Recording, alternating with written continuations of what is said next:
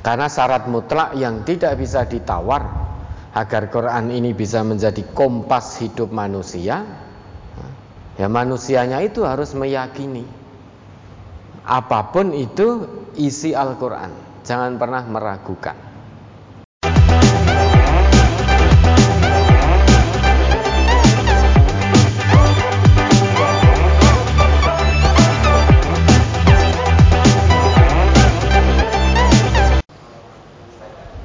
Wabarakatuh. Waalaikumsalam. Mari kita mulai. Bismillahirrahmanirrahim. Baik, langsung saja kita jawab pertanyaan yang sudah masuk. Mari, Ustaz Ghazali.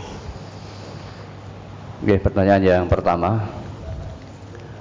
Warga pengajian putri sudah ngaji lama dan sudah menikah kurang lebih 35 tahun dan dikaruniai satu orang anak.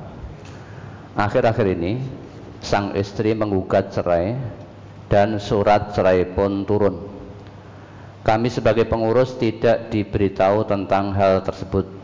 Tahu-tahu sudah ketok palu. Sampai sekarang mereka masih satu rumah tapi beda tempat tidur.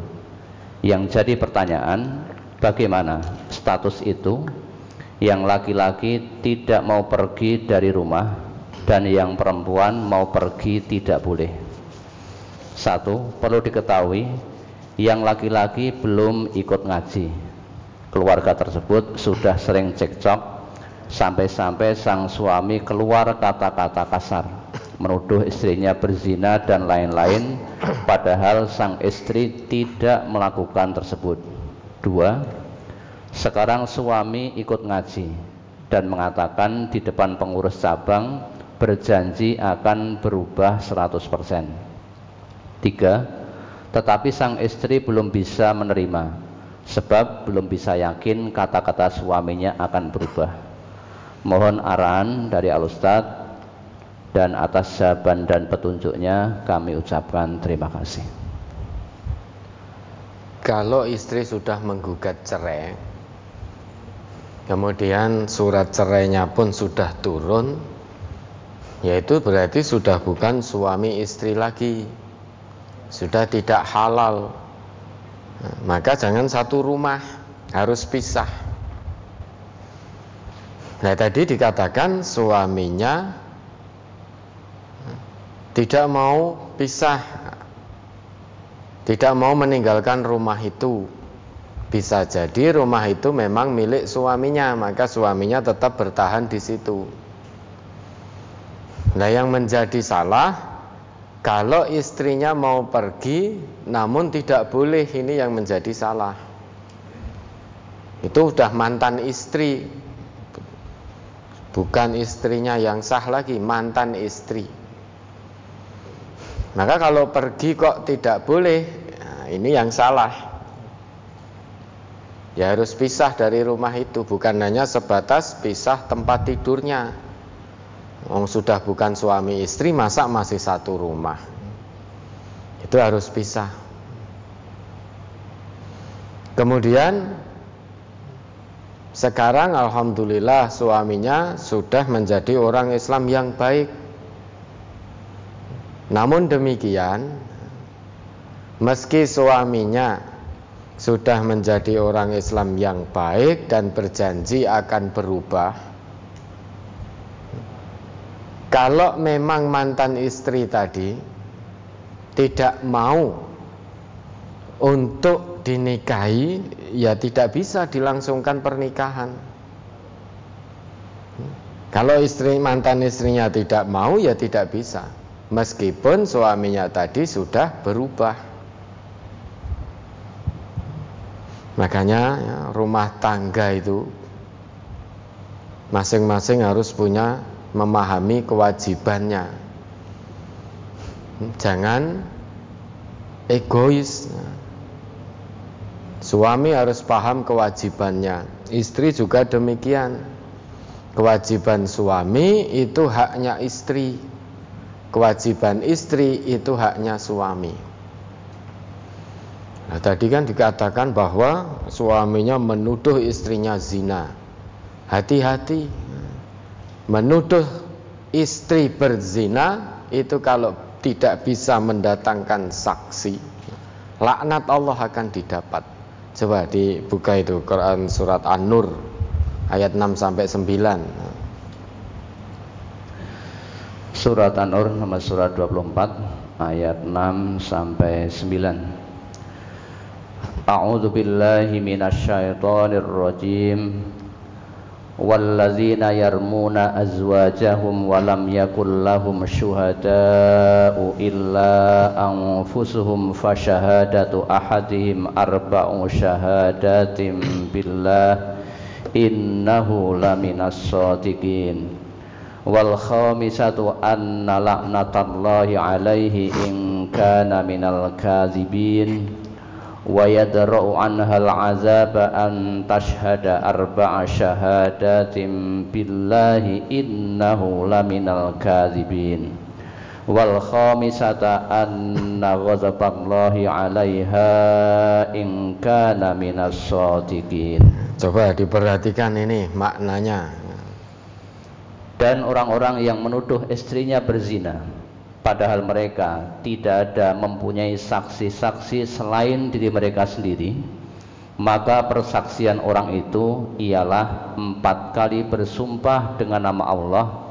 Sesungguhnya dia adalah termasuk orang-orang yang benar. Ya ta walladzina yarmuna aswajahum dan orang-orang yang menuduh istrinya berzina Walam yakul lahum syuhada illa anfusuhum.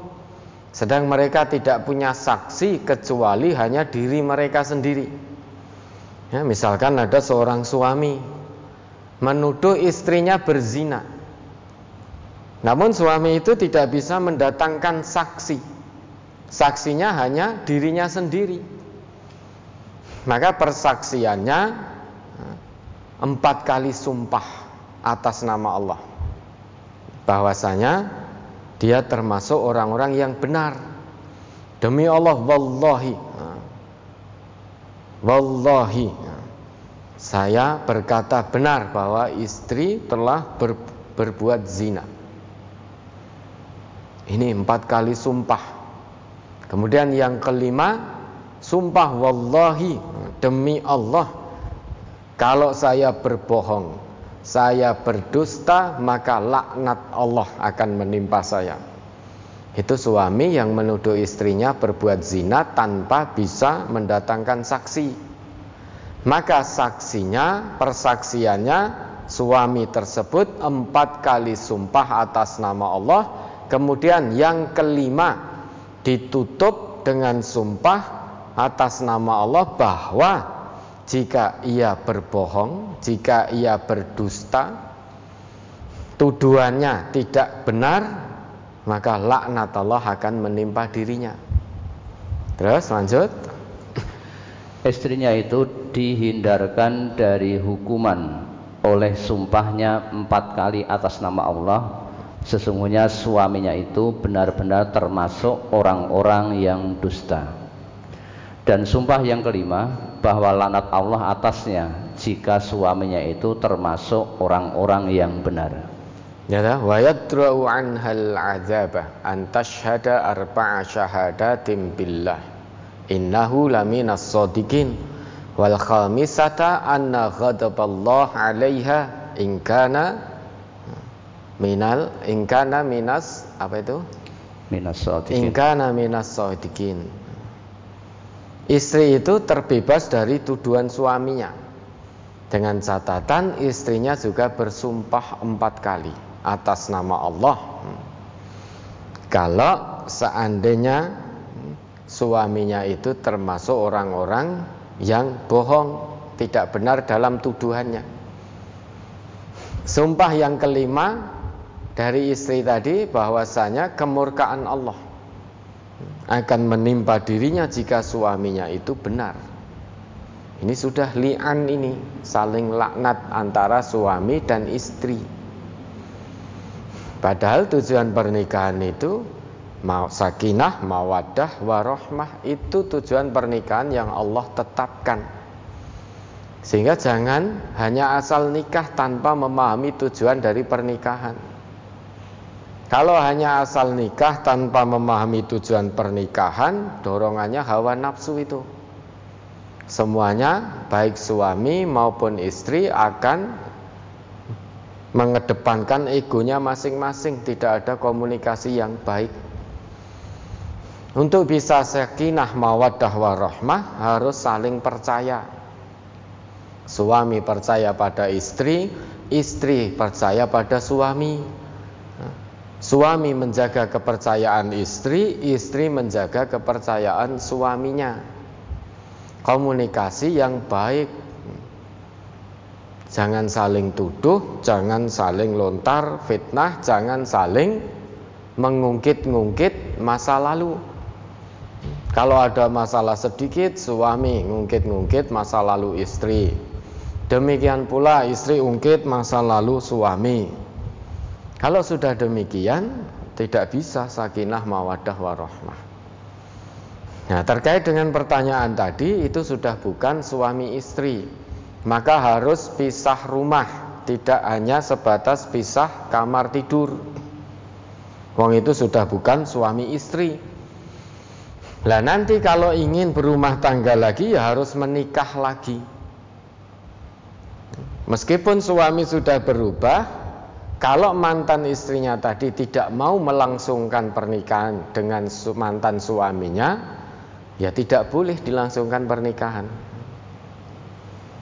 Ya, ada lagi tentang berwudu dengan mematuhi rukun berwudu dan urutannya pada urutan membasuh tangan sampai dengan siku setelah melakukan sampai pada siku kanan dan kiri tetapi masih mencelupkan tangan ke dalam bak air kanan dan kiri sampai siku juga. Apakah hal seperti itu tidak melanggar tuntunan berwudu? Atas tausiahnya diucapkan terima kasih. Kalau sudah membasuh eh, tangan kanan sampai siku tiga kali kemudian tangan kiri sampai siku tiga kali ya tidak perlu mencelupkan tangannya ke dalam bak. Kalau sudah melakukan membasuh tangan kanan kiri ya, sampai siku masing-masing tiga kali ya lanjutkan dengan mengusap kepala dan kedua tahun, daun telinga.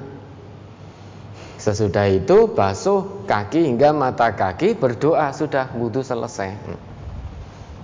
Sehingga tidak usah mencelupkan tangannya di dalam bak wong sudah dibasuh tiga kali. Ya, ada lagi.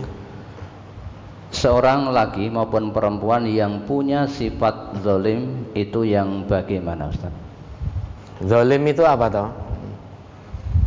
Zolim itu melanggar kebenaran Melanggar kebenaran yang datangnya dari Allah, dari Rasulullah Itu zolim Zolim itu menempatkan sesuatu bukan pada tempatnya Itu juga zolim. Berbuat tidak adil itu juga satu bentuk kezoliman. Ya, Berbuat tidak adil mungkin karena hubungan kedekatan Sehingga berbuat tidak adil Yang dekat meski salah dibenar-benarkan Yang jauh yang tidak kenal meski benar disalah-salahkan itu juga dolim. Tidak memakai hukum Allah itu juga dolim. Dolim itu bisa kita dolim berbuat dolim pada Allah dengan menyekutukan Allah atau mengkufuri kebenaran yang datangnya dari Allah. Itu dolim. Oleh karenanya Luqman ketika memberikan pengajaran nasihat kepada anaknya hal pertama yang sangat ditekankan oleh Luqman kepada anaknya agar anaknya jangan menyekutukan Allah. Karena itu satu kedoliman yang besar. Dalam Quran surat Luqman itu ayat 13 disebutkan wa idh qala luqmanu libnihi wa huwa ya'iduhu ya bunayya la tusyrik billah Inna syirka la zulmun azim. Dan ingatlah. Id di situ diartikan ingatlah.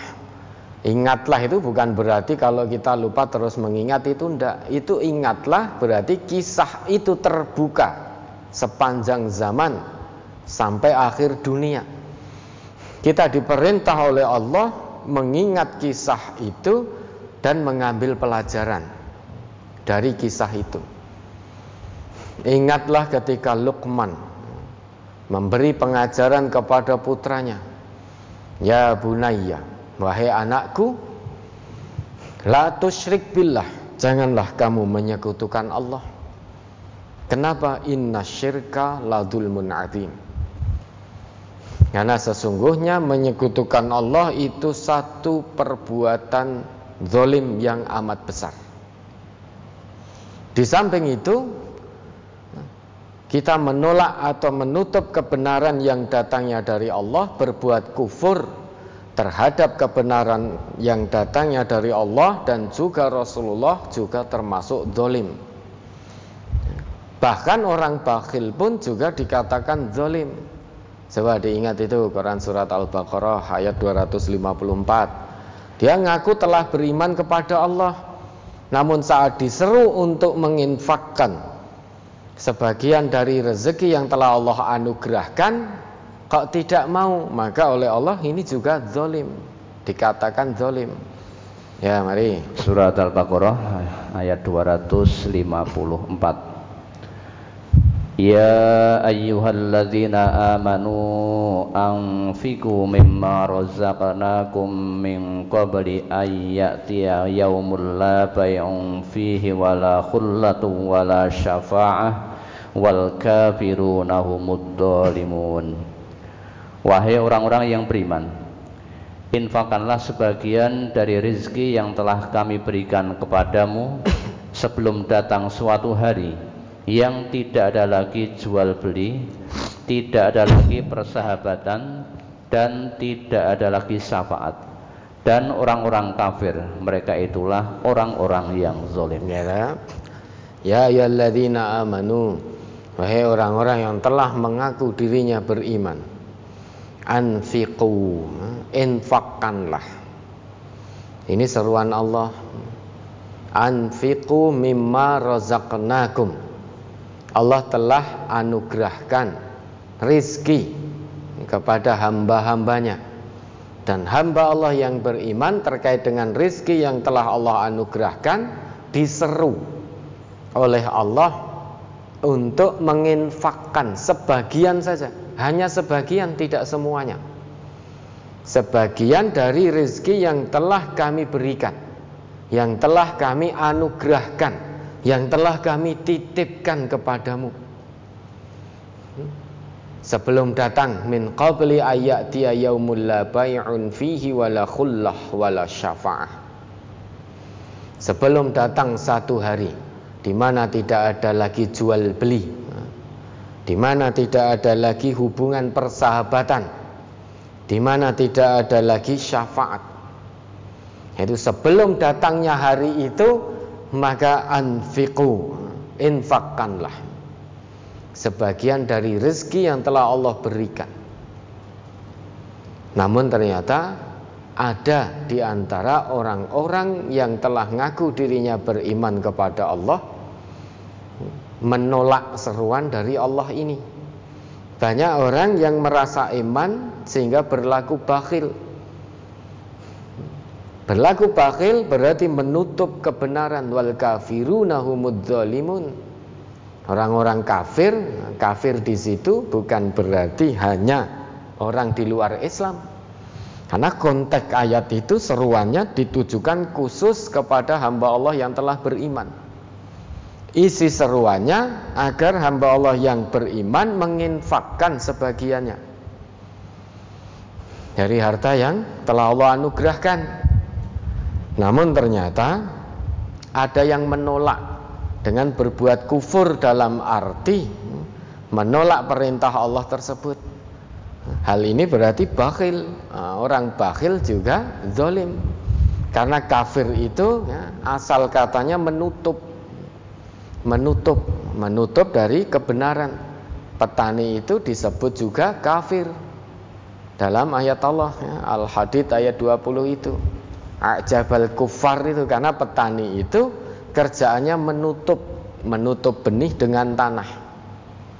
Jika saya begini, saya juga menutup.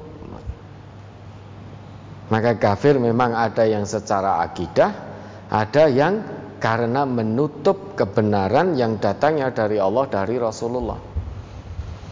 Maka ayat ini orang bakhil itu juga zalim.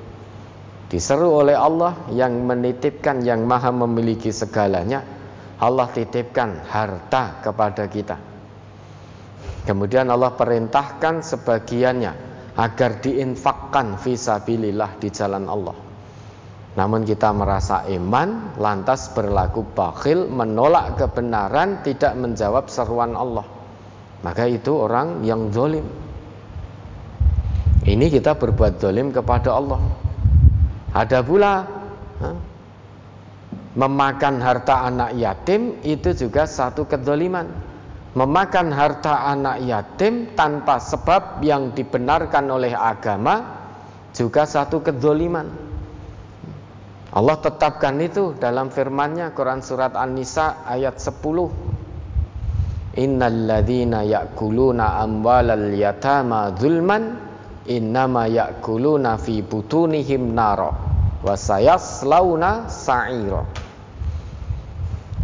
Sesungguhnya orang-orang yang memakan harta anak yatim secara dolim Hakikatnya dia sedang memasukkan api ke dalam perutnya. Dan nanti di hari kiamat dia akan memasuki api yang menyala-nyala. Dalam arti memasuki neraka memakan harta anak yatim tanpa sebab yang dibenarkan oleh agama. Harusnya harta anak yatim itu dijaga. Nah, nanti kalau sudah dewasa, sudah bisa tasarruf secara benar, hartanya baru diberikan. Lah ini sebelum diberikan kok sudah digunakan dengan cara zolim. Maka siap-siap mengambil tempat duduk di neraka para pemakan harta anak yatim. Di samping itu merugikan orang lain itu juga zolim. Mengambil hak orang lain juga zolim. Mengambil harta orang lain juga zolim. Dalam sebuah sabdanya Nabi kita pernah menegaskan maniqata shibron minal ardi zulman tawaqahullahu iyyahu yaumal qiyamah min sab'i aradin. Barang siapa? Barang siapa? Barang siapa? Man di situ bisa berlaku kepada siapa saja. Baik laki, perempuan, tua, muda, remaja siapa pun itu. Menyerobot atau mengambil tanah orang lain dengan cara zolim tawaqahullah iyyahu yaumal qiyamah min sab'i aradin. Allah akan kalungkan padanya nanti di hari kiamat tujuh lapis bumi. Hmm, menyerobot tanah ingin memiliki sejengkal tanah. Hmm, namun dengan cara yang zolim cara-cara yang tidak dibenarkan oleh agama maka siap-siap di hari kiamat nanti akan dikalungkan padanya tujuh lapis bumi. Senenge rasepiro punya tanah sejengkal di ketika di dunia tidak seberapa nominalnya namun sengsara selama-lamanya. Itu juga satu perbuatan zolim. Jadi ada zolim kepada Allah, zolim pada orang lain, dan zolim pada diri sendiri. Zolim pada diri sendiri itu kita melanggar aturan-aturan Allah, aturan Rasulullah itu zolim. Mengikuti hawa nafsu, melanggar kebenaran, berarti kita berlaku zolim pada diri sendiri. Mengikuti hawa nafsu sehingga terjerumus dalam satu perbuatan dosa. Berarti kita mendolimi diri sendiri. Itu bisa. Dulu Nabi Adam juga pernah terjerumus dalam bisikan bujuk rayu setan sehingga memakan buah larangan. Kemudian setelah itu Nabi Adam bertobat kepada Allah. Nabi Adam dan Siti Hawa bertobat kepada Allah. Qala rabbana dzalamna anfusana wa illam taghfir lana wa tarhamna lanakunanna minal khasirin. Al-A'raf ayat 23 itu. Sehingga dolim itu setidaknya ada tiga hal. Dolim pada Allah dengan berbuat kufur, berbuat syirik, Zolim pada orang lain, merugikan orang lain, membuat susah orang lain, Zolim pada diri sendiri dengan terus menerus melanggar aturan Allah, aturan Rasul, aturan din ini. Berbuat dosa.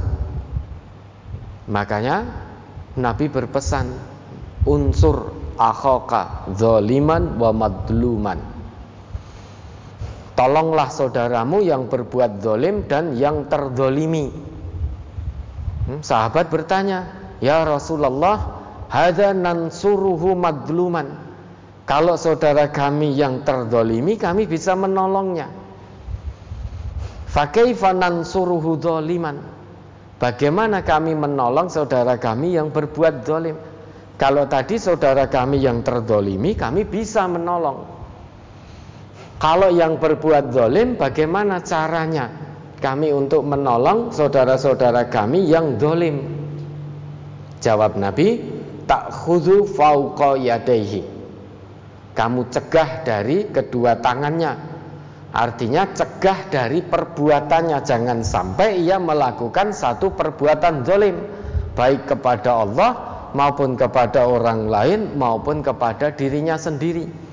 Dicegah dinasehati. Indah sekali ajaran Islam.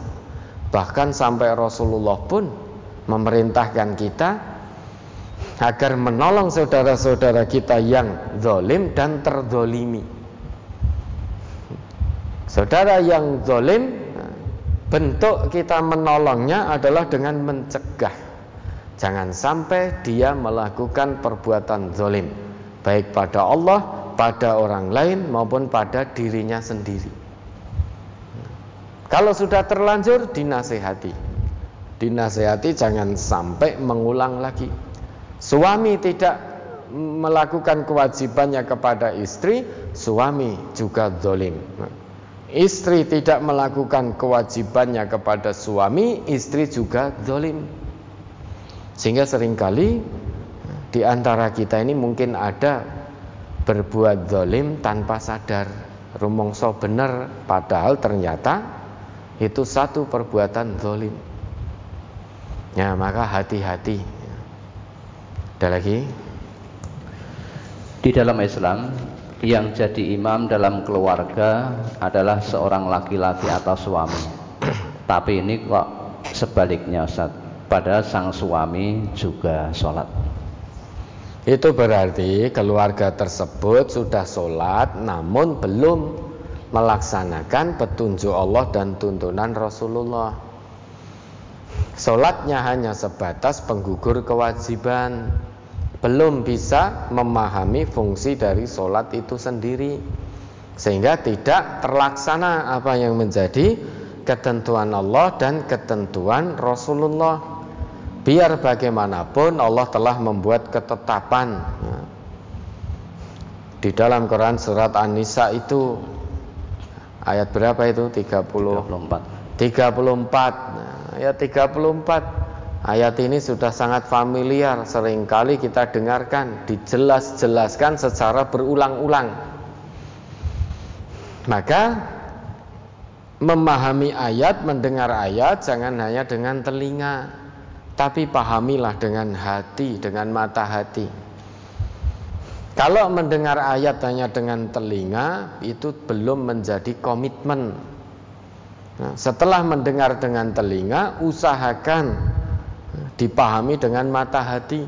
Karena kalau sudah turun ke mata hati akan jadi satu komitmen. Komitmen untuk mengamalkan apa yang menjadi perintah Allah. Biar bagaimanapun ketetapan Allah ar-rijalu qawwamuna 'alan nisa. Seorang suami itu pemimpin bagi istrinya jangan dibolak-balik seorang pemimpin harus bisa memberikan keteladanan. Maka suami yang menjadi pemimpin rumah tangga harus bisa membimbing istrinya menuju jalan yang Allah ridhoi. Untuk bisa membimbing istri dan keluarganya dibutuhkan keteladanan dari suaminya. Jangan hanya suaminya menyuruh istri dan anaknya, namun istri dan anak melihat perilaku maupun ucapan suaminya berbeda, bertolak belakang dari apa yang suami perintahkan pada istri dan anak. Hmm. Kalau ini yang dilihat, yang terjadi berarti suami tersebut hanya pinter memberikan contoh keteladanan namun tidak bisa dijadikan teladan oleh keluarganya. Maka kewajiban seorang laki-laki itu kalau sudah menikah dia pemimpin bagi rumah tangganya. Jangan dibalik. Seorang pemimpin harus bisa diteladani.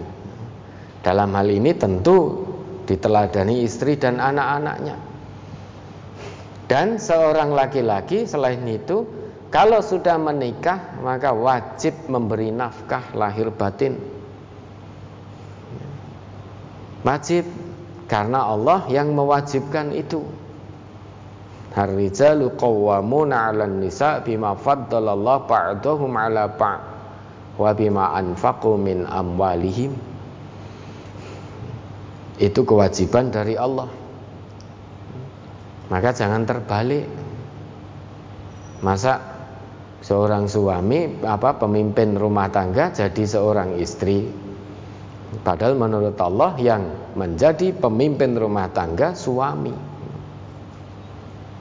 Ya ini di dipahami lagi ayat Allah itu. Anisa ayat 34 itu kemudian diamalkan ya.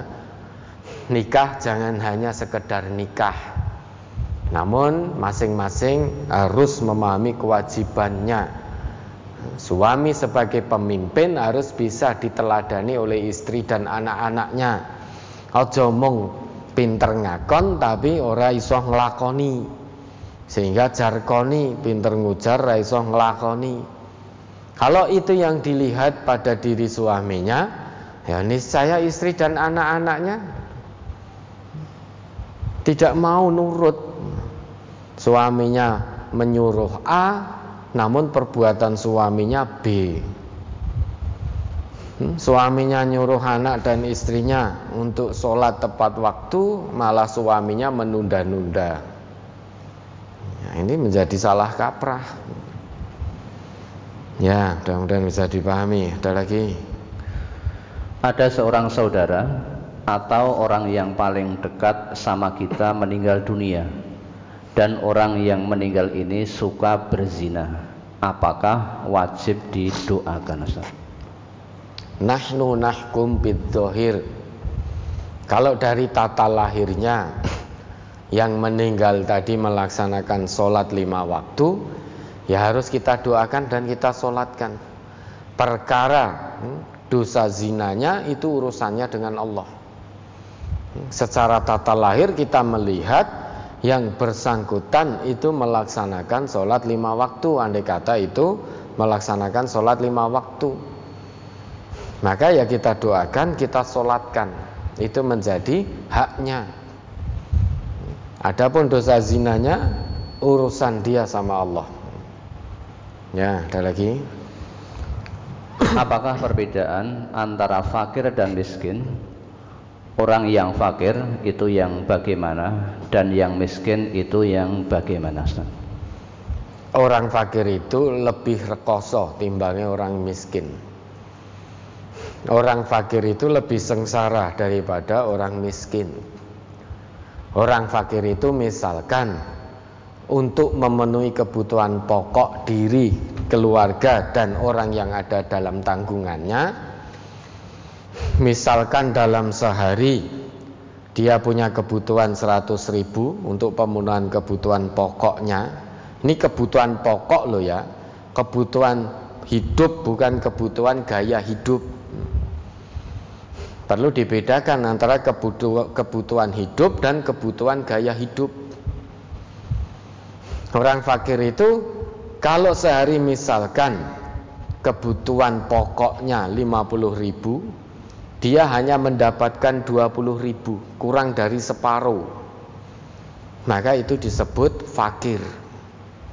Sedang orang miskin ya, Misalkan kebutuhan pokok untuk dirinya, keluarganya dan orang yang dalam tanggungannya Sehari butuh 50 ribu Dia hanya dapat 30 ribu atau 40 ribu atau 45 ribu. Lebih dari separuh namun tidak sampai 50 ribu Itu disebut miskin Dan orang fakir lebih rekoso karena tidak sampai separuh dari kebutuhan yang didapatkan. Maka fakir miskin itu wajib dibantu dan berhak untuk menerima zakat. Ya, ada lagi. Dua kalimat yang saya rasa bertolak belakang kalau dilihat dari segi sebab dan akibat yaitu yang terdapat pada Al-Quran Surat Al-Baqarah ayat 259 yaitu pada kalimat tentang makanan dan minuman yang belum berubah dan keledai yang sudah menjadi tulang belulang. Padahal keduanya akibat ditinggal mati selama 100 tahun mohon penjelasannya. Itu urusan yang goib. Namun Allah menginformasikan itu di dalam Quran. Terkait informasi-informasi gaib di dalam Quran maupun di dalam hadis-hadis Nabi Kewajiban kita hanya mengimani. Oleh karenanya Quran itu sesudah surat Al-Fatihah dibuka secara tauqifi oleh Allah. Dzalikal kitabu la raiba fih muttaqin. Al-Quran itu tidak perlu diragukan kebenarannya.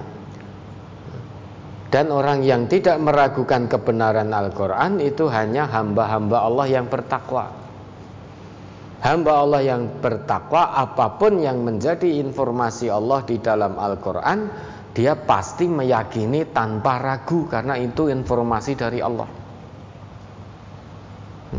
Kalau ada orang meragukan isi Al-Quran Maka Quran tidak akan bisa menjadi petunjuk hidupnya. Karena syarat mutlak yang tidak bisa ditawar Agar Quran ini bisa menjadi kompas hidup manusia Ya manusianya itu harus meyakini Apa pun itu isi Al-Quran Jangan pernah meragukan maka orang yang bertakwa dalam awal surat Al-Baqarah itu Allah sebutkan ciri yang pertama adalah alladzina yu'minuna bil ghaibi. Bukan alladzina yuqimunas shalah yang pertama Allah sebutkan, namun yang Allah sebutkan pertama kali ciri orang yang bertakwa adalah orang-orang yang mengimani tentang perkara-perkara gaib. Karena sesudah itu sampai surat terakhir akan banyak kita temukan informasi-informasi Al-Quran yang seolah-olah bertolak belakang dengan akal dan nalar terbatas kita sebagai manusia. Kalau kita tidak yakin sepenuh hati hanya mengandalkan akal saja dalam berinteraksi dengan Quran, maka kita akan ragu maka yang pertama dan utama kita lakukan ketika interaksi dengan Al-Quran adalah dengan amalan hati, iman dalam hati. Yakin pada sesuatu yang tidak tampak itu disebut iman, goib. Yakin pada yang goib yang Allah informasikan, Rasul informasikan, itu disebut iman. Iman itu amalan hati, Yakin pada yang tampak itu ilmu. Ilmu itu amalan akal. Maka jangan kedepankan akal, namun kedepankan hati. Kalau hati seseorang baik, akalnya akan baik. Nah, terkait ayat itu itu perkara yang gaib. Tokohnya tidak disebutkan siapa, negerinya juga tidak disebutkan. Dialog itu antara Allah dengan tokoh yang Allah sebutkan di situ juga tidak dijelaskan secara gamblang. Namun demikian kita harus meyakini karena Allah yang menginformasikan. Untuk lebih lengkapnya bisa moga Ustaz dibaca dari ayat sebelumnya.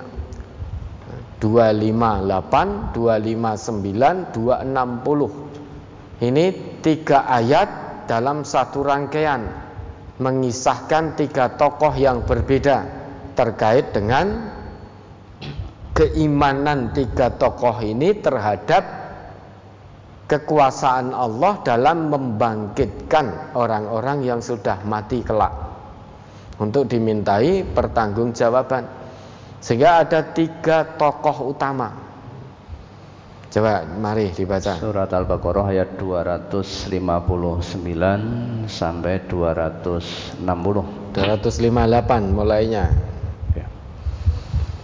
Al-Baqarah 258 Alam taro ilal ladzi hajja Ibrahim fi rabbih an atahullahul mulk. Iz qala Ibrahim rabbiyal ladzi yuhyi wa yumit. Qala ana uhyi wa umit. Qala Ibrahim fa inna allaha ya'ti bisyamsi minal masyriqi fa'ti biha minal maghribi fabuhital ladzi kafar.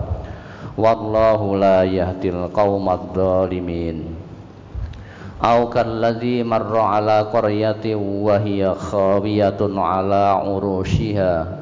Qala anna yuhyi hadhihi Allahu ba'da mautiha fa amatahu Allahu mi'ata amin summa ba'asahu qala kam labis qala labistu yawman aw ba'dha yawm qala bal labista mi'ata amin fangdur ila ta'amika wa syarabika lam yatasannah wanzur ila himarik walinaj'alaka linnasi wanzur ilal izami kaifa nunsizuha summa naksuha lahma. Falamma tabayyana lahu qala a'lamu anna allaha ala kulli syai'in qadir. Wa iz qala ibrahimu rabbi arini kaifa nuhyil mauta qala awalam tu'min Qala bala walakin liyatma inna qalbi Qala fakhuz arba'atam minat tayri fasurhunna ilaika Summa ja'al ala kulli jabalim minhunna juz'a Summa da'uhunna ya'tinaka sa'ya Wa'lam anna allaha azizun hakim. Apakah kamu tidak memperhatikan orang yang mendebat Ibrahim tentang Tuhannya, yakni Allah, karena Allah telah memberikan kepada orang itu pemerintahan atau kekuasaan. Ketika Ibrahim ketika Ibrahim mengatakan, Tuhanku ialah yang menghidupkan dan mematikan. Orang itu berkata, saya dapat menghidupkan dan mematikan. Ibrahim berkata, sesungguhnya Allah menerbitkan matahari dari timur, maka terbitkanlah dia dari barat. Lalu heran terdiamlah orang kafir itu dan Allah tidak memberi petunjuk kepada orang-orang yang zalim. Ya, ini dulu ya. Jadi secara kesimpulan tiga ayat ini berbicara tentang kemahakuasaan Allah membangkitkan kembali orang-orang yang sudah dimatikan oleh Allah pada hari kiamat nanti hari pembalasan dibangkitkan kembali. Untuk masing-masing dimintai pertanggungjawaban atas apa yang sudah dilakukan di dunia. Tokoh pertama ini tokoh yang sangat mengkufuri. Betul-betul tidak mengimani bahwa Allah itu maha kuasa menghidupkan orang yang sudah mati. Para ahlul ilmi sepakat tokoh yang dimaksud ayat ini itu adalah Namrud, raja Babilonia. Allah sudah berikan kekuasaan.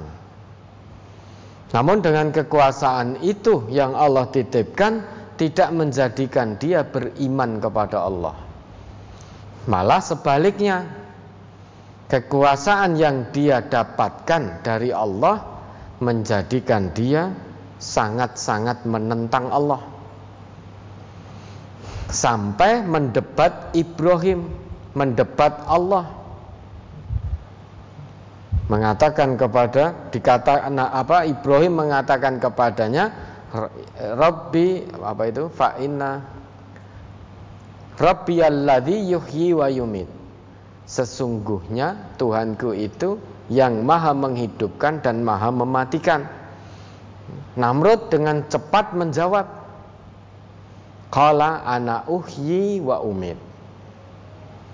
Kalau demikian nah, Tuhanmu wahai Ibrahim Kamu katakan menghidupkan dan mematikan Aku pun juga menghidupkan dan mematikan. Lantas dipanggillah dua bawahannya Yang satu dibunuh, yang satu dibiarkan hidup. Padahal yang dimaksud Nabi Ibrahim Allah itu maha menghidupkan, maha mematikan Tidak seperti yang dilakukan Namrud. Ya. Karena jawaban dari Namrud itu tidak berbobot Maka tidak digubris oleh Nabi Ibrahim. Wong tidak berbobot jawabannya. Lantas Nabi Ibrahim berpindah Dari pernyataan yang satu ke pernyataan yang lain Kala Ibrahim fa Allah ya'ti bisyamsi minal masyrik fa'ti biha minal maghrib fabuhital ladzi kafar. Tuhanku Allah itu maha kuasa mendatangkan matahari, menerbitkan matahari dari timur. Sekarang datangkanlah matahari dari barat kalau kamu mengaku sebagai Tuhan. Nah, dengan tantangan yang Ibrahim ajukan, Namrud terdiam, tidak bisa berkata-kata. Hmm, kalau tadi dikatakan Allah Maha menghidupkan, Maha mematikan, Namrud bisa dengan kepongkahan, kepongahannya, kesombongannya, dia panggil dua bawahannya, satu dibunuh, satu biarkan hidup. Namun ketika ditantang untuk mendatangkan matahari dari barat, terdiam, tidak bisa apa-apa. Ini tokoh yang pertama betul-betul mengkufuri, menentang Allah, tidak percaya bahwa Allah itu maha kuasa menghidupkan orang yang sudah mati di hari berbangkit kelak. Tokoh yang kedua yang ditanyakan ini tadi. Tokoh kedua itu yakin pada Allah namun belum 100% keyakinannya. Masih ada sedikit keraguan. Apa iya Allah bisa menghidupkan orang yang sudah mati. Ketika orang itu sudah hancur, tinggal tulang belulang. Piye carane Gusti Allah menghidupkan orang yang sudah mati? Sedangkan negeri ini yang sudah hancur luluh lantak sehingga bangunannya itu runtuh sampai menutupi atap-atapnya. Bagaimana cara Allah menghidupkan ini? Kan ada seorang seseorang ketika melintas di sebuah tempat di sebuah desa melihat desa itu sudah luluh lantak, rubuh. Bangunan-bangunannya rubuh sehingga menutupi atap bangunannya. Sudah tidak terlihat lagi atapnya. Lantas dalam hati orang tadi bertanya-tanya, "Anna yuhyi hadhillahu ba'da mautiha?" Bagaimana cara Allah menghidupkan negeri ini kembali sesedah mati. Lantas Allah matikan orang itu fa'amatahullah mi'ata amin summa ba'athah. Kemudian Allah matikan orang itu 100 tahun. Sesudah 100 tahun Allah hidupkan kembali. Kemudian ditanya oleh Allah kam labista. Berapa lama kamu telah tinggal di negeri ini? Hmm, orang tadi menjawab, Labis tu yauman au ba'do yaum. Aku tinggal di negeri ini baru sehari atau setengah hari. Hmm, dikatakan oleh Allah, "Balabista mi'ata amin." Tidak, kamu itu tinggal di sini sudah 100 tahun. Fangdur ila ta'amika wa syarabika lam yatasannah. Ini tahu yang yang ditanyakan. Maka lihatlah bukti kalau kamu sudah tinggal di sini selama 100 tahun, lihat makananmu, lihat minumanmu. Menurut riwayatnya, orang ini sebelum ditidurkan oleh Allah, sebelum dimatikan oleh Allah, orang ini sempat memetik buah-buahan yang ada di sekitar situ.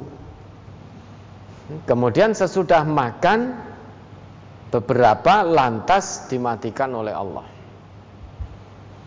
Nah, buah-buahan yang tadi dipetik sebelum dimatikan oleh Allah ternyata masih utuh, belum berubah, belum bosok. Padahal menurut akal kita, nah kalau kita meng, apa, membaca ayat ini dengan, hanya dengan akal, maka akan sulit mempercayai. Karena menurut akal kita yang namanya makanan ataupun buah-buahan beberapa hari itu akan membusuk. Itu menurut ilmu, menurut akal kita. Namun ini perkara gaib Allah itu maha kuasa atas segalanya. Maka harus kita pahami ayat ini dengan hati, jangan dengan akal. Kalau hanya dengan akal, ketahuilah akal manusia itu terbatas. Sedangkan ilmu Allah itu sangat luas. Ya, kalau kita membaca dengan hati, kita akan mengimani ini. Makanan, minuman 100 tahun belum berubah Bisa karena Allah yang Menghendaki itu Allah yang menjaga. Fangdur ila tu'amika wa syarabika lam yatasannah. Wangdur ila himarika. Nah, ini yang kedua. Seolah-olah bertolak belakang. Dan lihatlah pada keledaimu yang sudah hancur tinggal tulang belulang podo-podo 100 tahun makanan minumannya belum busuk belum berubah sedangkan keledainya tinggal tulang belulang. Nah, kita tinggal mengimani dengan hati. Kejadian ini, peristiwa ini oleh Allah sengaja dikehendaki sebagai tanda kekuasaan Allah untuk manusia. Walinat ayatan linnas. Itu kata Allah. Kemudian sesudah itu wangzur ilal idhami kaifa nunshizuha summa naqsuha lahma. Lihatlah pada tulang belulang keledaimu itu yang disusun kembali, yang kami susun kembali. Jadi keledai tadi sudah hancur, tinggal tulang belulang. Lantas oleh Allah disusun kembali. Setelah tersusun, lantas dibalut. Nah, dengan daging. Dan itu dilihat oleh orang tadi. Falamma tabayyana lahu qala a'lamu annallaha ala kulli syai'in qadir. Sesudah nyata bagi orang itu bahwa Allah Maha Kuasa menghidupkan kembali yang sudah mati.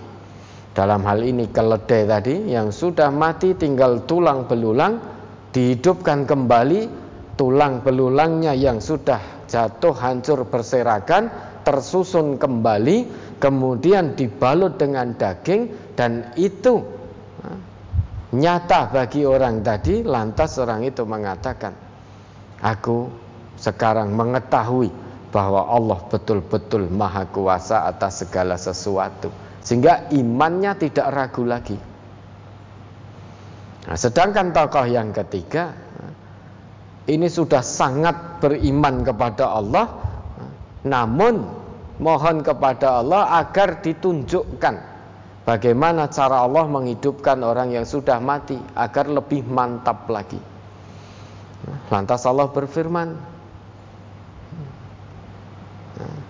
Fakhud arba'atan minat toiri fasurhunna ilaika summa ja'al ala kulli jabalin minhunna juz'a. Summa ta'uhunna ya'tinaka sa'ya.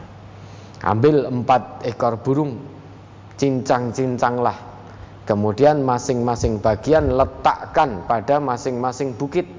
Setelah itu panggil keempatnya itu yang sudah tercincang-cincang dan diletakkan di atas bukit yang berbeda. Panggil Sumayati naga sa'ya Niscaya keempatnya akan datang secara cepat kepadamu.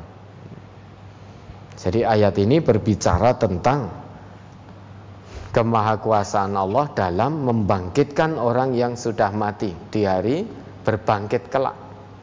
Dengan tiga tokoh yang berbeda Tokoh pertama sangat mengkufuri kemahakuasaan Allah Tokoh kedua yakin namun masih ada sedikit keraguan. Tokoh yang ketiga sudah yakin betul mantap betul keimanannya kepada Allah namun untuk lebih memantapkan lagi. Mohon kepada Allah agar ditunjukkan bagaimana cara Allah menghidupkan orang yang sudah mati. Nah, terkait pertanyaan ayat ini, nah, peristiwa ini hal yang gaib Siapa nama tokohnya tidak dijelaskan, negeri yang dilalui juga tidak dijelaskan. Kemudian dialog antara Allah kam labista qala labistu yauman au ba'du yaum dengan orang tadi juga tidak dijelaskan. Namun di situ terjadi dialog. Dan ingat ayat itu Allah tetapkan walinadza'alaka walinadza'alaka ayatan linnas. Peristiwa di ayat 259 ini Allah kehendaki agar menjadi tanda kekuasaan Allah bagi seluruh manusia. Untuk itu hanya bisa diimani dan diyakini dalam hati. Kita kedepankan hati karena ini informasi dari Allah Ya itu urusan goib namun kita betul-betul mengimani. Karena tidak ada alasan bagi kita untuk tidak mengimani apa yang menjadi informasi dari Allah. Ya ada lagi? Apabila ada istri karena ada ketidakcocokan Akhirnya istri tersebut pamit pada suami pulang ke rumah orang tuanya. Apa yang demikian itu sudah menggugurkan nafkah sebagai suami dan yang baik bagaimana sebagai seorang suami Ustaz. Mohon tausiahnya. Selama masih menjadi suami istri ya, selama itu pula masih punya kewajiban dan hak yang sama. Suami masih punya kewajibannya termasuk memberi nafkah pada istri. Istri juga masih punya kewajiban terhadap suami Apalagi tadi sang istri, si istri tadi izin pada suaminya karena orang cocok dengan suaminya, pamit pada suami untuk pulang ke rumah orang tuanya. Dan suaminya mengizinkan. Dan yang baik bagaimana langkah suami istrinya dipanggil pulang atau dijemput, diajak kembali. Diajak kembali dinasehati. Kalau kita khawatirkan antara suami istri tadi terjadi persengketaan yang tidak kunjung usai, maka bolehlah. Fab'asu hakaman min ahlihi wa hakaman min ahliha. Kirim satu juru damai dari pihak keluarga suami dan kirim satu juru damai dari pihak keluarga istri. Iyurida islaha yuwaffiqillah bainahuma jika kedua juru damai tadi betul-betul punya niatan memperbaiki hubungan antara suami istri yang sedang cekcok tadi, niscaya Allah akan berikan taufik kepada suami istri itu. Maka langkah suami yang terbaik panggil istrinya, jemput istrinya, diajak pulang, dinasehati. Istri yang baik ya, manut dengan suaminya, selama suaminya tidak mengajak pada kemaksiatan. Kalau suaminya perintahkan sudah dek atau sudah bu, nah, kamu itu istri saya, sudah kamu tanggung jawab terhadap rumah. Perkara nafkah itu kewajibanku. Maka istri sudah sami'na wa atokna. Suami tinggal menuruti apa yang menjadi kemauan, apa istri tinggal menuruti apa yang menjadi perintah suami. Kalau suami mengatakan, dek kamu tidak usah bekerja Yang mencari nafkah aku. Kamu urusi anak-anak dan rumah tangga. Istri tidak boleh ngeyel. Namun suami juga harus konsekuen Berusaha betul untuk memenuhi nafkah anak istri ya, Maka kirim juru damai Kalau kita melihat itu tidak ada titik temu Kirim juru damai satu juru damai dari keluarga suami, satu juru damai dari keluarga istri untuk dilakukan islah antara suami istri yang sedang cekcok tadi. Coba diingat itu Anisa 35. Surat Anisa ayat 35. Wa in khiftum shiqaqa bainihima fab'atsu hakaman min ahlihi wa hakaman min ahliha. Yurida islahan yuwaffiqillahu bainahuma innallaha kana aliman khabira. Jika kamu khawatir terjadi persengketaan antara keduanya maka kirimlah seorang juru damai dari keluarga laki-laki dan seorang juru damai dari keluarga perempuan jika keduanya juru damai itu bermaksud mengadakan perbaikan, niscaya Allah memberi taufik kepada suami istri itu. Sungguh Allah Maha teliti, Maha mengenal. Ya kan? Kalau betul-betul rumit hubungan suami istri, cekcok nggak ada kunjung titik temunya, semuanya menjaga keegoisannya, tidak mau menurunkan keegoisannya, suami tetap dengan egonya, istri tetap dengan egonya, maka kita boleh melakukan islah. Tak kirim satu juru damai dari keluarga suami, satu juru damai dari keluarga istri.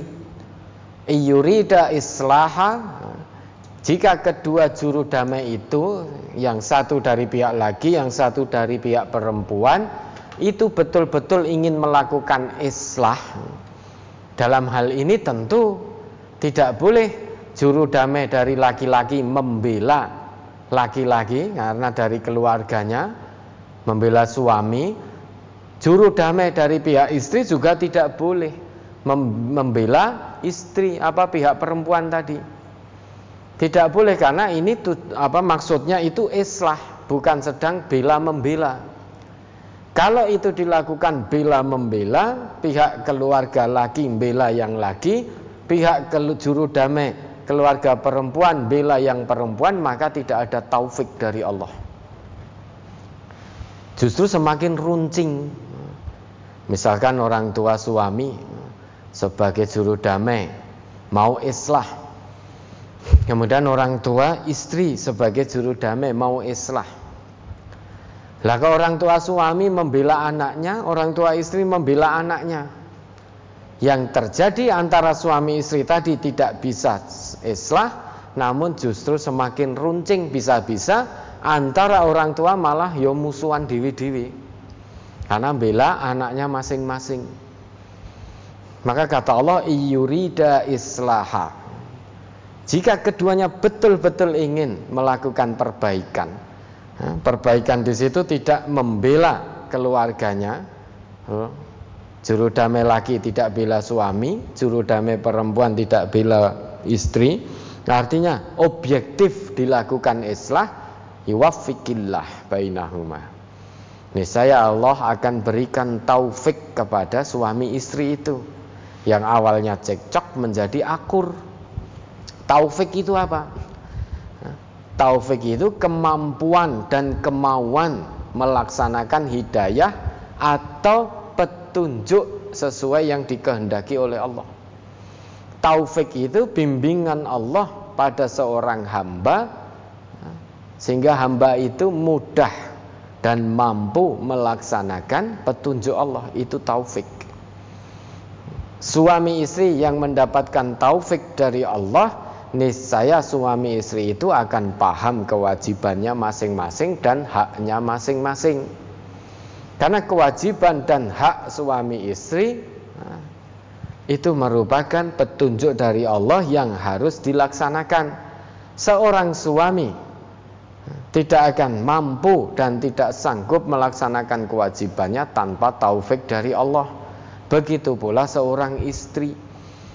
Karena taufik itu bimbingan dari Allah pada seorang hamba untuk mudah, mampu dan sanggup melaksanakan kewajiban-kewajiban Allah.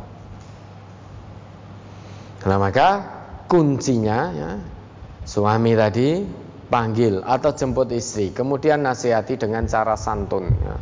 Jangan disalah-salahkan, jangan dikasari. Namun nasihati dengan cara santun yang menyentuh fitrahnya.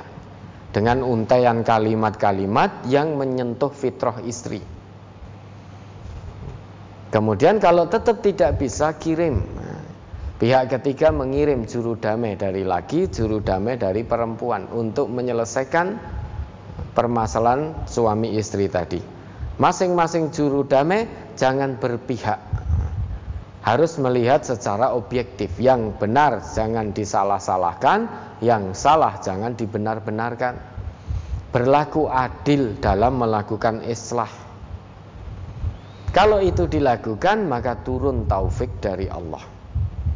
Rumah tangga menjadi sakinah, mawadah, warohmah, menjadi akur di bawah bimbingan Allah. Ya, ada lagi. Orang yang sudah meninggal, rohnya di alam barzah.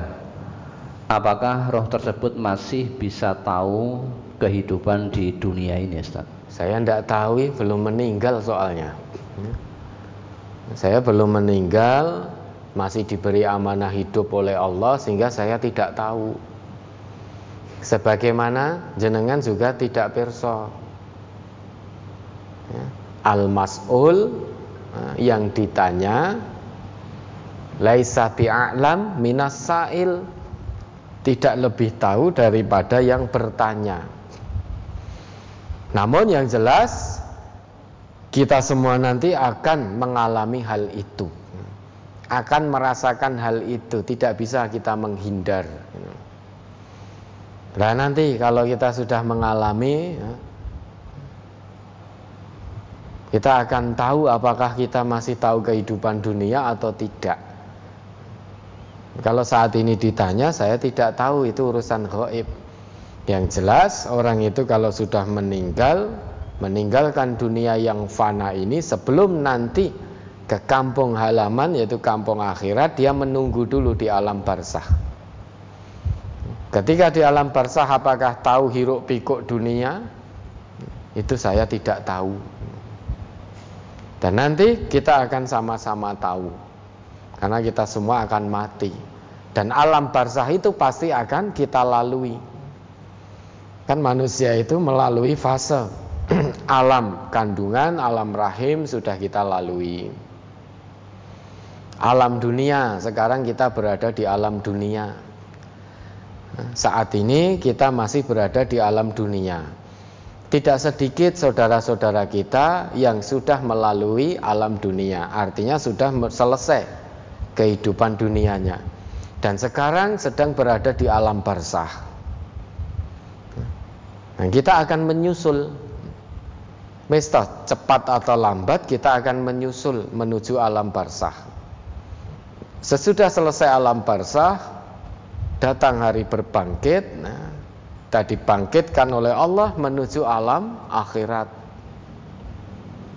nah berarti kita ting tinggal tiga fase karena masih ada di dunia alam dunia nanti satu saat entah hari ini entah esok entah lusa pekan depan bulan depan tahun depan atau kapan pun itu kita akan meninggalkan dunia ini menuju alam barzah Sesudah alam barzah kita akan menuju alam akhirat. Itulah kampung halaman abadi kita.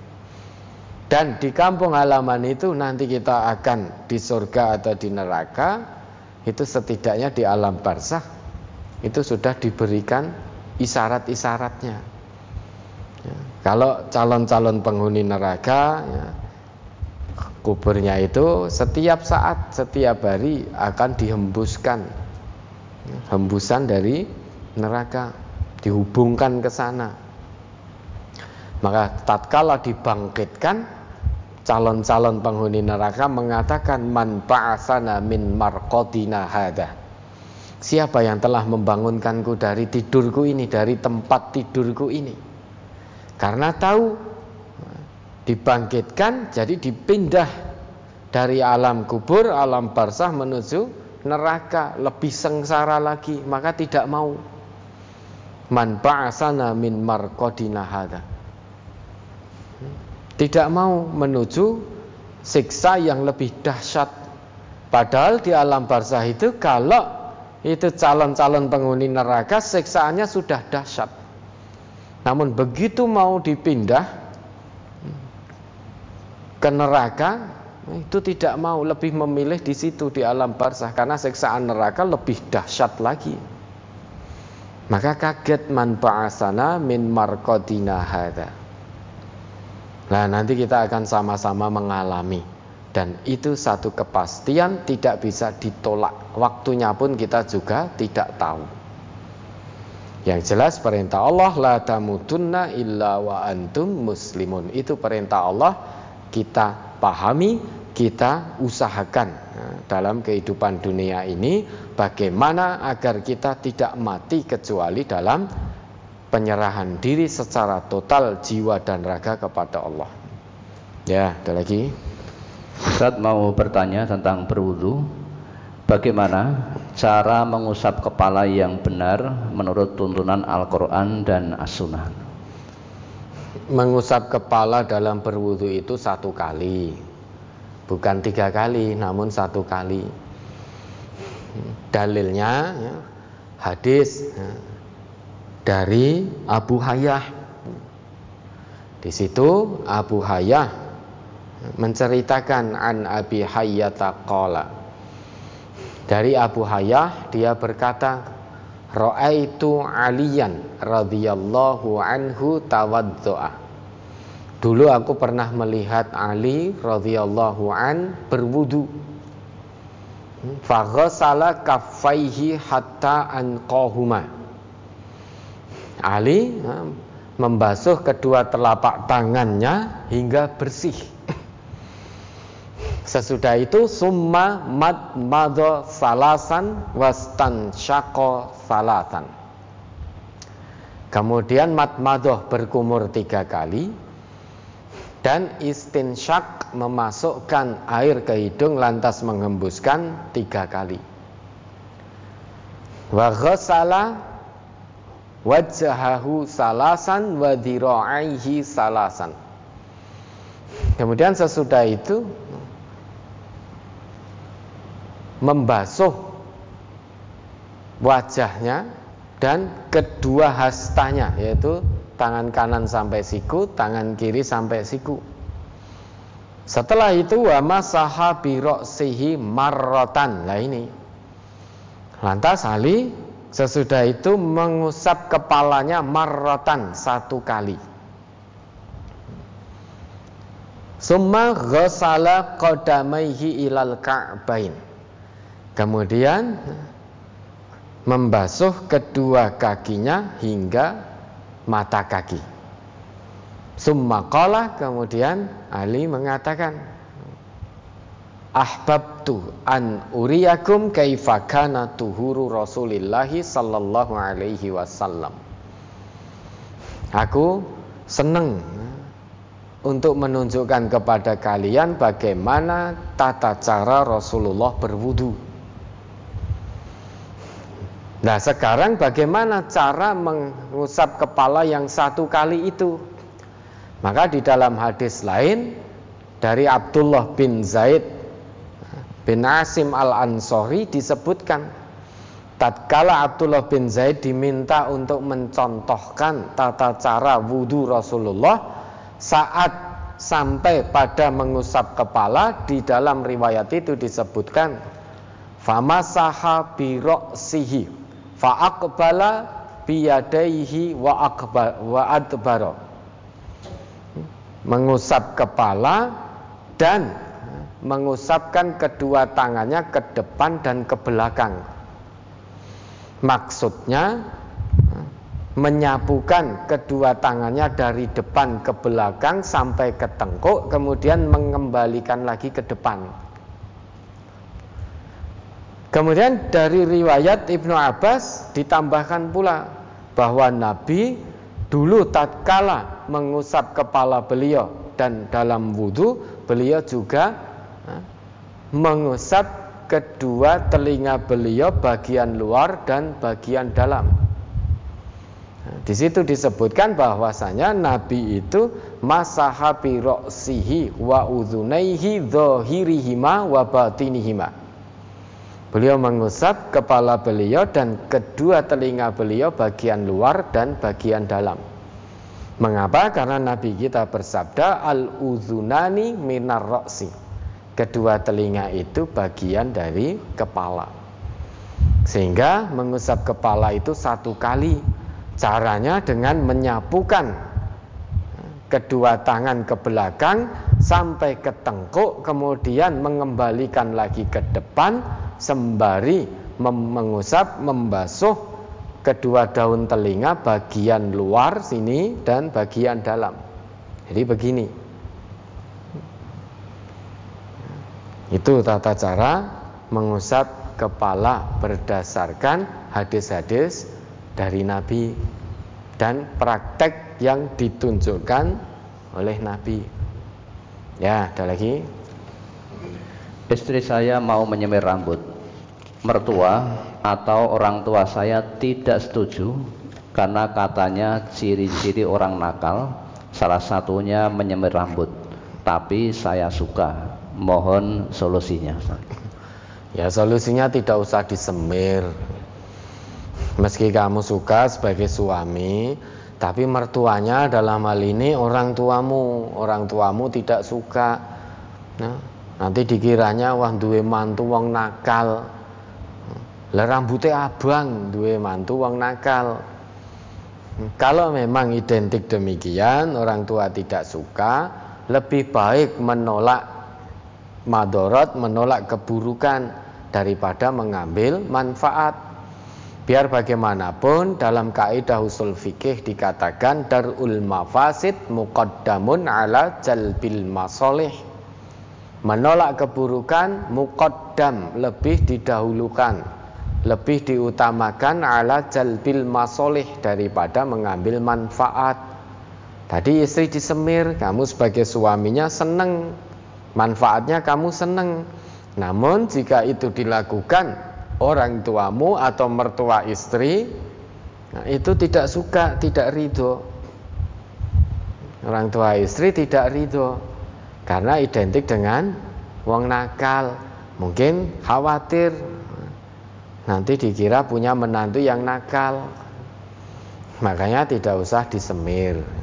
Menolak keburukan, menolak madorot lebih didahulukan daripada mendatangkan atau mengambil manfaat. Ya, ada lagi. Sehubungan dengan keterangan Ustadz tentang berhias dan memakai pakaian yang paling bagus ketika akan sholat. Saya sering sholat memakai daster, tapi daster yang bersih bukan daster yang dipakai bekas tidur. Ini bagaimana Ustadz? Boleh apa tidak? Lah pakai rukuh, pakai mukena ndak? Kalau sholatnya mau dasteran tok, meskipun bersih, meskipun suci, berarti kumbah, nggak pakai mukena terbuka begitu, ya tidak sah sholatnya. Namun kalau pakai daster, kemudian pakai mukena, pakai rukoh, lah itu sudah baik. Memang Allah ngendika khudzu zinatakum inda kulli masjidin ya bani Adam khudzu zinatakum inda kulli masjidin. Wahai anak Adam, Ya, pakailah pakaian yang bagus, yang pantas setiap hendak memasuki masjid, setiap hendak mau sholat. Nah tadi kalau pakai daster, Nah ini pakai mukena, pakai ruko apa tidak? Kalau pakai itu sudah baik, insya Allah sudah pantas. Namun jika tidak pakai hanya dasteran tok, sholatnya tidak sah, tidak diterima karena auratnya tidak tertutup. Ya, ada lagi. Maaf Ustadz, saya ingin bertanya apa hukumnya jika mantan suami saya tidak memberikan nafkah kepada anaknya selama dua tahun? Padahal dulu sudah bersumpah di atas Al-Quran, namun sampai sekarang juga tidak pernah memberikan nafkah tersebut. Apakah boleh jika saya menempuh dengan jalur hukum?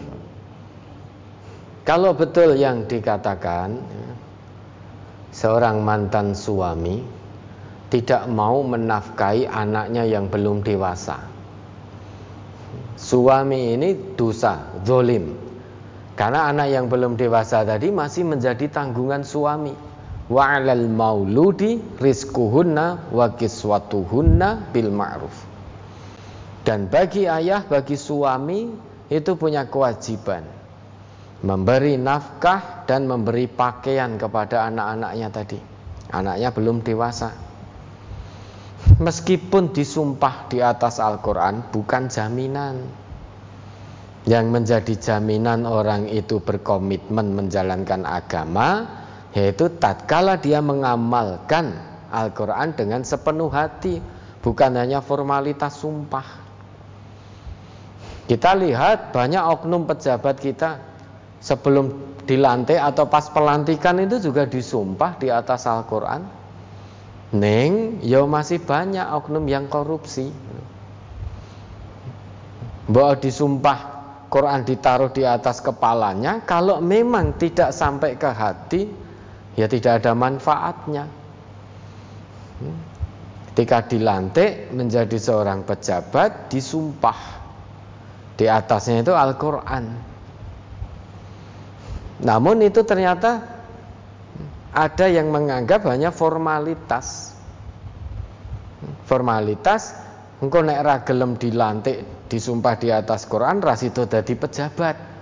Maka karena prosesi pelantikan seperti itu mau. Namun bagi orang yang betul-betul komitmen terhadap Al-Qur'an tentu dia tidak akan melanggar aturan-aturan Allah yang ada dalam Quran. Ini saya tidak korupsi mas kalau dia jadi pejabat karena komitmen betul terhadap Al-Quran suami juga begitu tidak perlu disumpah di atas Al-Quran kalau ternyata suami itu punya komitmen terhadap agamanya paham terhadap Quran paham terhadap tuntunan Rasul dan punya komitmen mengamalkannya tidak perlu disumpah Quran tidak perlu ditaruh di atasnya pasti dia akan mengamalkan. Itu yang menjadi jaminan orang itu mengamalkan agama dengan baik. Mbok disumpah seratus kali toh di atas kepalanya Quran, nek hatinya kosong, tidak paham. Al-Quran ya tidak mengamalkan Quran, maka terbukti. Ya, mantan suami, anak-anak belum dewasa, sebetulnya itu masih kewajiban suami. Namun suami enggan dan acuh tak acuh terhadap pemberian nafkah kepada anak-anaknya. Tidak ada mantan anak, itu masih kewajiban. Kalau memang sudah diberi nasihat, tetap tidak mau bergudul suaminya atau mungkin malah marah-marah, padahal anak itu belum dewasa masih jadi tanggungan suami. Kalau ibu mau menempuh jalur hukum silahkan, boleh. Silahkan tempuh jalur hukum. Ya, ada lagi. Seseorang telah mewakafkan sebidang tanah sawah untuk sabilillah. Hasil sawahnya untuk keperluan pribadi imam masjid. Apakah sudah sesuai dengan tuntunan? Bila belum, bila belum sesuai, mohon tausiahnya. Yang demikian pun, insya Allah juga boleh, tidak salah, ya. boleh. Ada lagi? Ustadz, selama ini saya mengeluarkan semua jenis zakat dua setengah persen. Setelah saya mendengar dari Al Ustadz ternyata zakat mal dan zakat tanaman berbeda nisabnya. Saya seorang pedagang, saya mengeluarkan zakat dua setengah persen, malah saya lebihkan karena kadang-kadang jualan rame, kadang sepi. Untuk zakat tanaman, saya punya beberapa pohon mangga. Setiap panen, saya keluarkan dua setengah persen. Tapi ternyata tanaman mangga saya karena tidak berbiaya zakatnya 10% juga tanaman padi saya keluarkan zakat dua setengah persen juga. Tapi ternyata zakatnya 5% karena tanaman padi saya berbiaya. Karena selama ini saya mengeluarkan ketiga dari pendapatan saya sama dua setengah persen semuanya. Apa yang harus saya lakukan untuk menebus kesalahan saya Ustaz mohon tausiahnya. Qad fata ma fata yang sudah berlalu biarlah berlalu. Karena dulu belum ngerti. Al jahlu layusafihi hukmun. Ketidaktahuan itu tidak ada hukum di situ. Karena tidak tahu lah sekarang sudah tahu. Sudah tahu maka ya sudah. Yang sudah ya sudah. Mohon ampun kepada Allah. Istighfar kepada Allah. Kemudian ikuti dengan melakukan perbuatan baik sebanyak-banyaknya. Sebaik dan sebanyak-banyaknya. Mohon ampun pada Allah. Dan ke depannya lebih hati-hati lagi lebih hati-hati lagi karena sekarang sudah paham orang yang paham harus beda dengan orang yang belum paham Qul hal yastawil ladina ya'lamun wal ladina la ya'lamun kata Allah begitu. Katakan apakah sama orang yang tahu, orang yang paham dengan orang yang tidak tahu? Tentu harus beda. Nah, sekarang sudah tahu maka lebih hati-hati lagi. Nanti tunaikan zakat sesuai dengan ketentuan-ketentuan agama. Ya, ada lagi. Apakah setelah selesai mandi janabat ada tuntunannya membaca syahadat Tidak ada yang saya tahu membaca syahadat itu sesudah wudhu. Ya, sesudah mandi janabat saya belum tahu apakah ada tuntunan membaca syahadat atau tidak. Sependek yang sudah saya ketahui membaca syahadat itu dituntunkan sesudah kita berwudhu. Ya, ada lagi.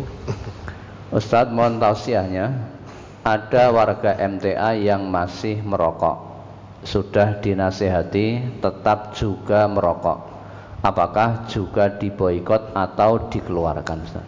Yang dikeluarkan dan diboikot itu warga MTA yang melakukan pergaulan bebas.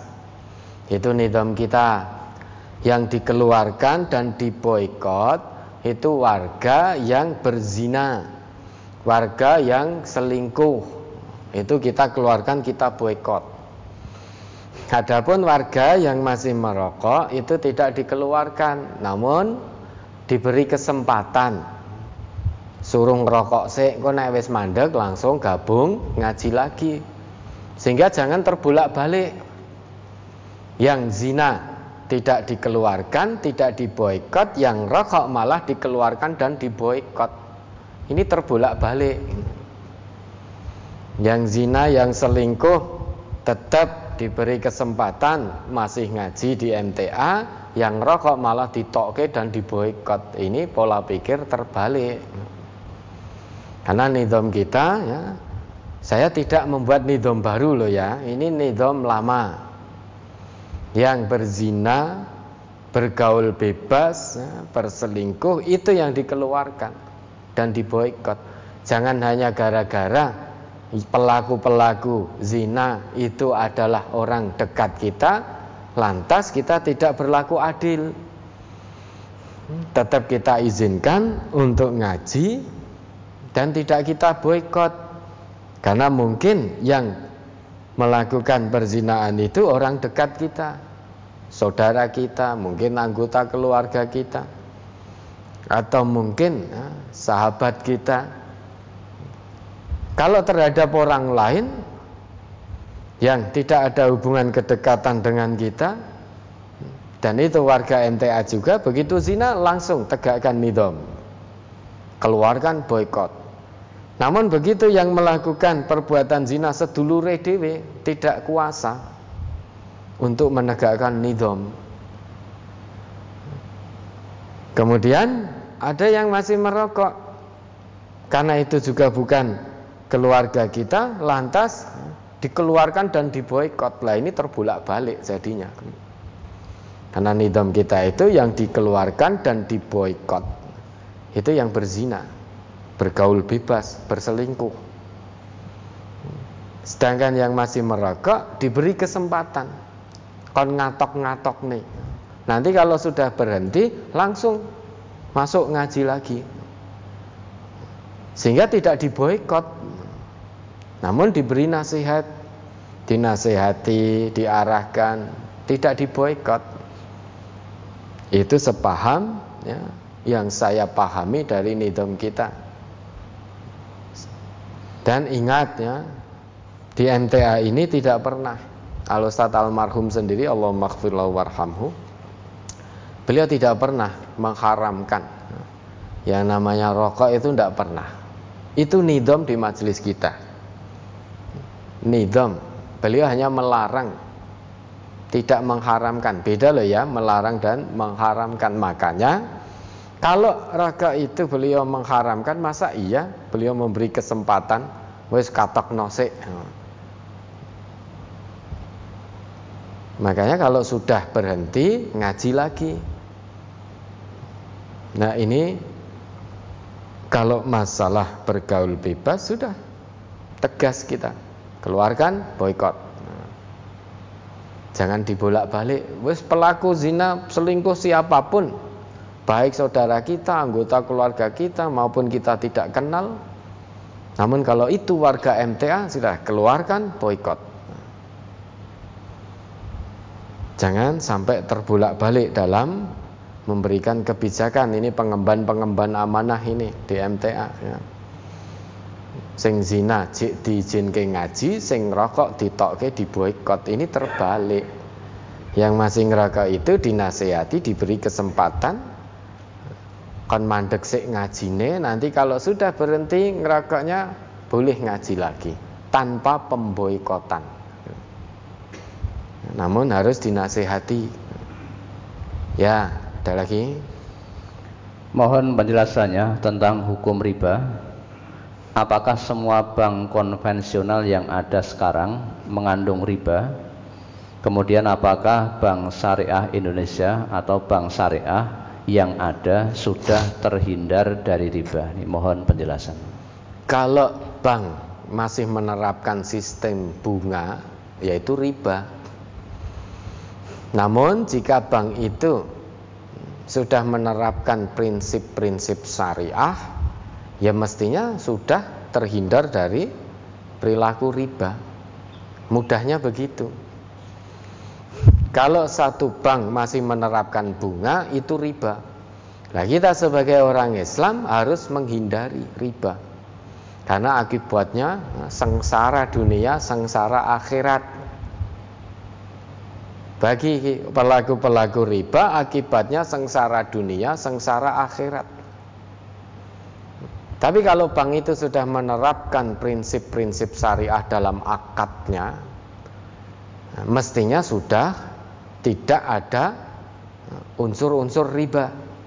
Kalau toh ternyata masih ada, uh, dosanya itu ditanggung oleh orang-orang yang ada di situ. Lah kita sudah dijelas-jelaskan bahwa ini tidak ada riba karena sudah syariah. Ya, dijelaskan berulang-ulang, semaksimalnya kita memilih bank yang syariah. Kalau andai kata masih ada unsur ribanya itu urusan mereka dengan Allah kita bari minat zimmah terlepas dari tanggung jawab. Karena kita berusaha memilih secara maksimal bank yang syariah yang sudah menerapkan prinsip-prinsip syariah dan berdasarkan penjelasan dari pihak bank syariah itu sendiri. Kalau ada masih ada unsur ribanya berarti menipu.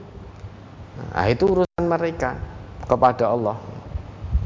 Namun jika itu bank konvensional menerapkan riba, apa namanya bunga berarti masih ada ribanya di situ.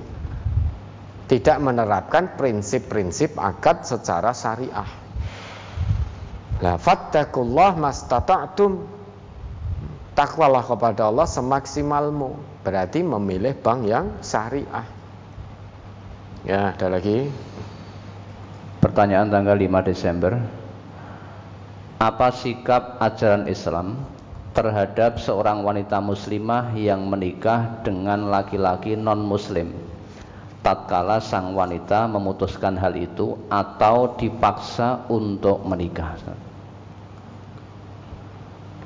Seorang wanita muslimah eh, menikah dengan laki-laki non-muslim. Nah ini kan ya lagi marak atau ini ya, marah dinikahkan secara islami habis itu pindah tempat dinikahkan di gereja. Ini beberapa ada pernikahan itu. Seorang wanita muslimah menikah dengan laki-laki non muslim apa pun alasannya menurut Allah haram. Pernikahannya tidak sah baik sukarela maupun dipaksa. Ini menurut Allah bukan menurut saya kalau sudah menurut Allah, kewajiban kita tinggal melaksanakan, jangan menawar-nawar. Hmm, jangan coba-coba menawar apa yang menjadi ketetapan Allah. Biar bagaimanapun, menurut Allah, wanita muslimah menikah dengan laki-laki non-muslim itu haram. Meskipun ada manusia yang mengatakan halal. Nah, tinggal kita pilih, pilih perkataan manusia atau perkataan Allah. Nah, kalau kita pilih perkataan manusia, banyak kelirunya. Namun jika kita ikuti perkataan Allah, pasti benarnya. Coba dibuka Quran surat Al-Mumtahanah ayat 10. Surat Al-Mumtahanah nomor surat 60 ayat 10. يا أيها الذين آمنوا إذا جاءكم المؤمنات مهاجرات فامتحنوهن الله أعلم بإيمانهن فإن علمتموهن مؤمنات فلا ترجعوهن إلى الكفار لا هن خل لهم ولا هم يحلون لهن wa atuhum ma anfaqu wala junaha alaikum an tankihuhunna iza ataitumuhunna ujurahun wala tumsiku bi'isamil kawafiri was'alu ma anfaqatum was wal yas'alu ma anfaqu zalikum hukmullah yahkumu bainakum wallahu alimun hakim. Wahai orang-orang yang beriman apabila perempuan-perempuan mukmin datang berhijrah kepadamu maka hendaklah kamu uji keimanan mereka. Allah lebih mengetahui tentang keimanan mereka. Jika kamu telah mengetahui bahwa mereka benar-benar beriman maka janganlah kamu kembalikan mereka kepada orang-orang kafir yakni suami-suami mereka. Nah, ini dulu. Fa in alimtumuhunna mu'minatin fala tarji'uhunna ilal kuffar. Itu kata Allah. Jika ada perempuan-perempuan yang berhijrah karena keimanannya dan jika betul-betul sudah diketahui tujuan hijrahnya karena iman pada Allah, maka jangan sekali-kali kamu kembalikan perempuan-perempuan yang telah beriman itu kepada suami-suami mereka yang masih kafir. Itu kata Allah. Sebabnya apa? Terus mereka tidak halal bagi orang-orang kafir itu dan orang-orang kafir itu tidak halal bagi mereka. Ya ta? Lahunna hillul lahum. Perempuan-perempuan beriman tidak halal bagi laki-laki kafir.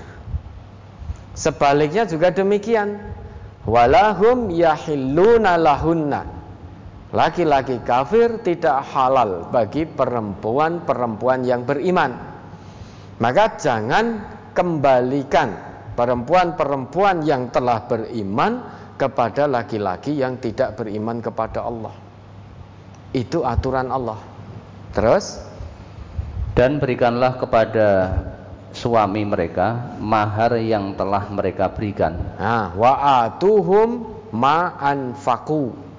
Jangan kamu kembalikan perempuan-perempuan mukminah kepada mantan-mantan suaminya yang masih kafir tadi. Namun berikan berikan kepada mantan-mantan suami tadi apa yang telah mereka berikan kepada mantan-mantan istrinya tadi sehingga maharnya kembalikan pemberian dari suami yang masih kafir tadi kembalikan. Terus dan tidak ada dosa bagimu menikahi mereka apabila kamu bayar kepada mereka maharnya. Dan janganlah kamu tetap berpegang pada tali pernikahan dengan perempuan-perempuan kafir. Dan hendaklah kamu minta kembali mahar yang telah kamu berikan.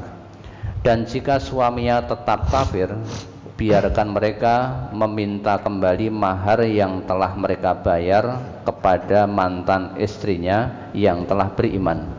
Demikianlah hukum Allah yang ditetapkannya di antara kamu dan Allah Maha mengetahui, Maha bijaksana. Ya wala junaha alaikum idza ataitumuhunna ujurahunna. Setelah dikembalikan apa yang menjadi pemberian suami-suami yang masih kafir tadi jika perempuan-perempuan mukminah itu masih membutuhkan perlindungan dari suami-suami mukmin maka tidak ada dosa bagimu laki-laki mukmin untuk menikahi mereka. Dengan catatan idza ataitumuhunna ujurahunna. Dengan syarat kamu bayar maharnya Kemudian Allah tetapkan wala tumsiku bi'isomil kawafir. Janganlah kamu tetap berpegang pada tali pernikahan dengan perempuan-perempuan kafir. Mintalah mahar yang telah kamu berikan kepada mereka. Wal yas'alu ma anfaqu dan biarkan para suami-suami yang masih dalam keadaan kafir tidak iman kepada Allah itu meminta maharnya. Meminta kembali apa yang sudah diberikan kepada perempuan-perempuan yang telah hijrah menjadi seorang mukminah tadi. Itulah hukum Allah. Zalikum hukmullah yahkumu bainakum. Itulah hukum Allah yang sudah Allah tetapkan dan berlakukan di antara kalian Wallah alimun hakim. Allah itu maha mengetahui, maha bijaksana. Maha mengetahui siapa yang tidak mengikuti hukum-hukum Allah. Siapa yang tetap menikah wanita muslimah yang tetap menikahi laki-laki kafir. Itu Allah maha mengetahui. Biar bagaimanapun, apa pun alasannya, wanita muslimah menikahi laki-laki non-muslim itu haram menurut Allah. Apa pun alasannya dari sudut pandang mana pun dengan pendekatan apa pun kata Allah itu haram. Lahunna hillul lahum. Mereka perempuan-perempuan mukminah tidak halal bagi laki-laki kafir. Walahum yahilluna lahunna. Dan mereka laki-laki kafir tidak halal pula bagi perempuan-perempuan mukminah kalau Allah sudah menetapkan satu hukum, tinggal kita laksanakan. Jangan ditawar-tawar. Jangan berobosi. Dengan mengatakan, oh dengan pendekatan ini, itu, ini, itu. Itu namanya mau berobosi. Lah, kita tinggal pilih. Meski ada manusia yang mengatakan halal karena sebab ini, sebab itu. Kita tinggal pilih, pilih kata manusia atau pilih kata Allah sekalipun para perempuan ini betul-betul mencintai laki-laki yang tidak iman tadi. Cinta atau tidak cinta, kalau itu tidak iman pada Allah tetap haram. Nah, pilih cinta cinta manusia yang tidak iman tadi atau pilih mendapatkan cintanya Allah. Al-amru mufawwad ilaikum. Urusan terserah kalian. I'malu ma syi'tum. Kata Allah begitu. Kerjakan sesuai apa yang kamu kehendaki. Lakonono sak senengmu. Gitu Allah sudah tunjukkan jalan. Kalau kamu pilih ha, suami yang tidak iman tadi, ya, sudah. Kamu akan diajak ke neraka. Kalau kamu memilih Allah, kamu akan diajak ke surga. Al-Baqarah 221, diingat itu. Surat Al-Baqarah ayat 221. Wala tankihul musyrikati hatta yu'min wala amatum mu'minatun khairum min musyrikati walau a'jabatkum wala tungkihul musyrikina hatta yu'minu min musyrikin walau a'jabakum. Ulaika yad'una ilan nar. Wallahu yad'u ilal jannati wal maghfirati bi iznih. Wa yubayyinu ayatihi linnasi la'allahum yatazakkarun. Dan janganlah kamu nikahi perempuan musyrik sebelum mereka beriman sungguh hamba sahaya perempuan yang beriman lebih baik daripada perempuan musyrik meskipun dia menarik hatimu. Dan janganlah kamu nikahkan orang yakni laki-laki musyrik dengan perempuan yang beriman sebelum mereka beriman.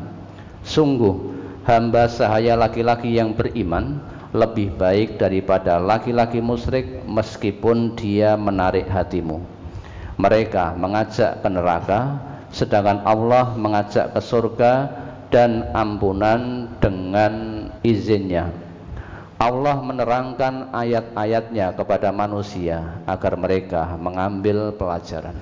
Sangat jelas, sangat tegas ketetapan dari Allah. Wala tankihul musyrikati hatta yu'minna. Dan janganlah kamu nikahi perempuan-perempuan musyrik sampai mereka beriman. Walau amatum mu'minatun khairum mim musyrikatin walau a'jabatkum. Budak-budak perempuan yang beriman kepada Allah itu lebih baik bagimu daripada perempuan-perempuan musyrik meskipun perempuan musyrik itu menarik hatimu. Namun jangan memilih perempuan musyrik dengan meninggalkan budak yang beriman karena budak yang beriman menurut Allah lebih baik daripada perempuan musyrik. Meskipun dia menarik hatimu.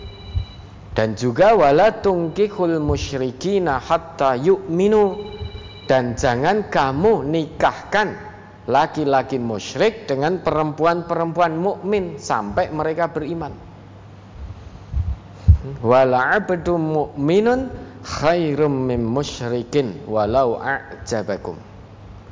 Seorang budak laki-laki yang beriman kepada Allah meski tidak menarik hatimu itu lebih baik di sisi Allah daripada laki-laki musyrik yang menarik hatimu. Ini ketentuan Allah. Kenapa ulaika yad'una ilan nar laki-laki musyrik perempuan musyrik itu akan mengajakmu ke neraka Sedangkan wallah yad'u ilal jannati wal maghfirati biiznih. Kalau kita mengikuti ketetapan Allah, mengikuti ketentuan Allah, meski laki-laki musyrik atau perempuan musyrik tidak menarik hati kita, namun kita tetap memilih ketentuan Allah, maka Allah ketahuilah Allah mengajak kita, menyeru kita ke surganya mengajak kita, menyuruh kita kepada ampunannya. Yang punya surga dan ampunan itu Allah, bukan manusia. Yang punya surga dan ampunan itu Allah. Meski banyak manusia yang mengatakan karena sebab-sebab tertentu menjadi halal menikah dengan laki-laki yang tidak iman, banyak orang pinter yang mengatakan itu dengan pendekatan A, B, C sampai Z, ketahuilah itu perkataan manusia, dasarnya hanya zon, perkiraan. Sedang ini ketetapan Allah yang punya surga, yang punya ampunan itu Allah, bukan manusia. Tinggal pilih saja. Pilih mengikuti manusia atau pilih mengikuti Allah. Jadi apa pun alasannya wanita muslimah menikah dengan laki-laki non muslim itu haram. Pernikahannya tidak sah baik sukarela atas nama cinta atau karena dipaksa di hadapan Allah tetap tidak sah dan haram pernikahannya. Ada lagi? Mohon tausiahnya saya sebagai seorang warga yang juga sebagai satgas ada yang mengganjal di pikiran saya karena ada pengurus yang sejak beberapa bulan ini tidak mau menyapa dan juga sifat berubah banyak. Pengurus A seperti marah pada kami dan pengurus yang lain juga bilang demikian. Pertanyaan, apa pengurus bebas marah berbulan-bulan pada warganya Ustaz? Ngomong seperti loh. Pengurus seperti marah dan pengurus yang lain juga bilang demikian. Nah, itu kan hanya seperti, jangan dicandai dewi, tabayunkan dulu. Bagaimana cara tabayunnya? Ya panjenengan datangi saja pengurus tadi yang sepertinya marah itu. Jangan tanya, ngapunten Bapak, jenengan kok sepertinya marah dengan saya toh itu hanya marah sepertinya atau marah tenanan gitu. sudah datangi saja. Mudah kok untuk komunikasi. Jangan suka nyandak nyandak IDW pentingnya tabayun di situ. Dan kalau memang betul ya ini kalau memang betul. Pengurus tadi memang betul seperti yang dinyatakan tadi mendiamkan berbulan-bulan berarti ini belum mengamalkan apa yang menjadi perintah Nabi. Nabi kita itu ngendika la yahillu li muslimin ayah jurakahu fauqa salasi layalin. Tidak halal bagi seorang muslim mendiamkan juta saudara muslimnya lebih dari tiga hari boleh mendiamkan namun batas maksimal yang Nabi berikan hanya tiga hari. Lebih dari tiga hari berarti dia menjalani kehidupan tidak sesuai yang dituntunkan oleh Nabi. Hari keempat, kelima, keenam, ketujuh dan seterusnya kok masih jutaan berarti tidak menjalankan perintah Nabi. Tidak menjalankan perintah Nabi berarti bermaksiat kepada Allah karena Nabi ini diutus oleh Allah untuk ditaati atas izin Allah. Sekarang pilih, pilih apa ben puas dengan mengikuti ego tetap jutaan atau pilih melawan egonya untuk akur sehingga mendapatkan cintanya Allah karena mengikuti Nabi. Ya, kalau memang mendiamkan juta lebih dari tiga hari, itu layahillu haram jadi ketemunya mung lelamisan melengos lan melengos. Yaltagiani keduanya bertemu. Karena ada masalah pribadi, meski ketemu gabrusan makbrus gitu, fayu aridu hada, wayu aridu hada. Yang ini berpaling, yang itu juga berpaling. Jadi lelamisan tok ketemu nih. Hatinya tidak bertemu. Hanya fisiknya ketemu wis raisoh menghindar lagi, gabrusan tinggal lelamisan Nah itu menjalani hidup tidak halal. Kata Nabi, solusinya bagaimana? Wa khairuhum alladhi yabda'u bis salam. Yang paling baik di antara keduanya itu yang memulai salam dulu, nyopo disik. Nah, saudara berusaha saja mengamalkan apa yang menjadi perintah Nabi ini untuk menjadi sebaik-baik manusia. Datangi saja rumah pengurus itu kalau betul yang saudara katakan datangi assalamualaikum kalau memang hatinya belum bening begitu tahu yang datang saudara gelisah itu di rumahnya sendiri Iki piye tak jutak ra rumangsa. Saya diamkan, tak jutak kok ra rumangsa. Apa ora ngerti nek aku wegah ketemu? Apa tidak tahu kalau saya tidak mau bertemu fulan, lah kok malah moro rene? Di rumahnya sendiri menjadi gelisah. Karena yang datang orang yang tidak disuka, yang dijuta, yang didiamkan. Tidak apa-apa, sudah tetap datang saja. Tetap datang. Karena apa? Ingin menjadi sebaik-baik manusia, memulai nyopo aruh disik ya tanyakan pada pengurus wonten apa to Pak? Kok sekian lama panjenengan kok mendiamkan saya? Tidak nyopo saya. Salah saya ten pundi? Tolong tunjukkan kesalahan saya pada panjenengan dengan segala kerendahan hati dan penyesalan dalam atau kula nyuwun pangapunten mohon kesalahannya ditunjukkan dan mohon arahan bimbingan serta nasihatnya sudah itu akan jadi sebaik-baik manusia. Perkara diterima atau tidak urusan dia sama Allah. Yang jelas jenengan sudah terlepas dari tanggung jawab di hadapan Allah karena sudah memulai menyapa. Perkara sapaan jenengan disambut atau tidak itu sudah urusan yang bersangkutan dengan Allah. Tidak ada ruginya sebetulnya Sebelum kita saling meminta maaf, kita sudah saling memaafkan.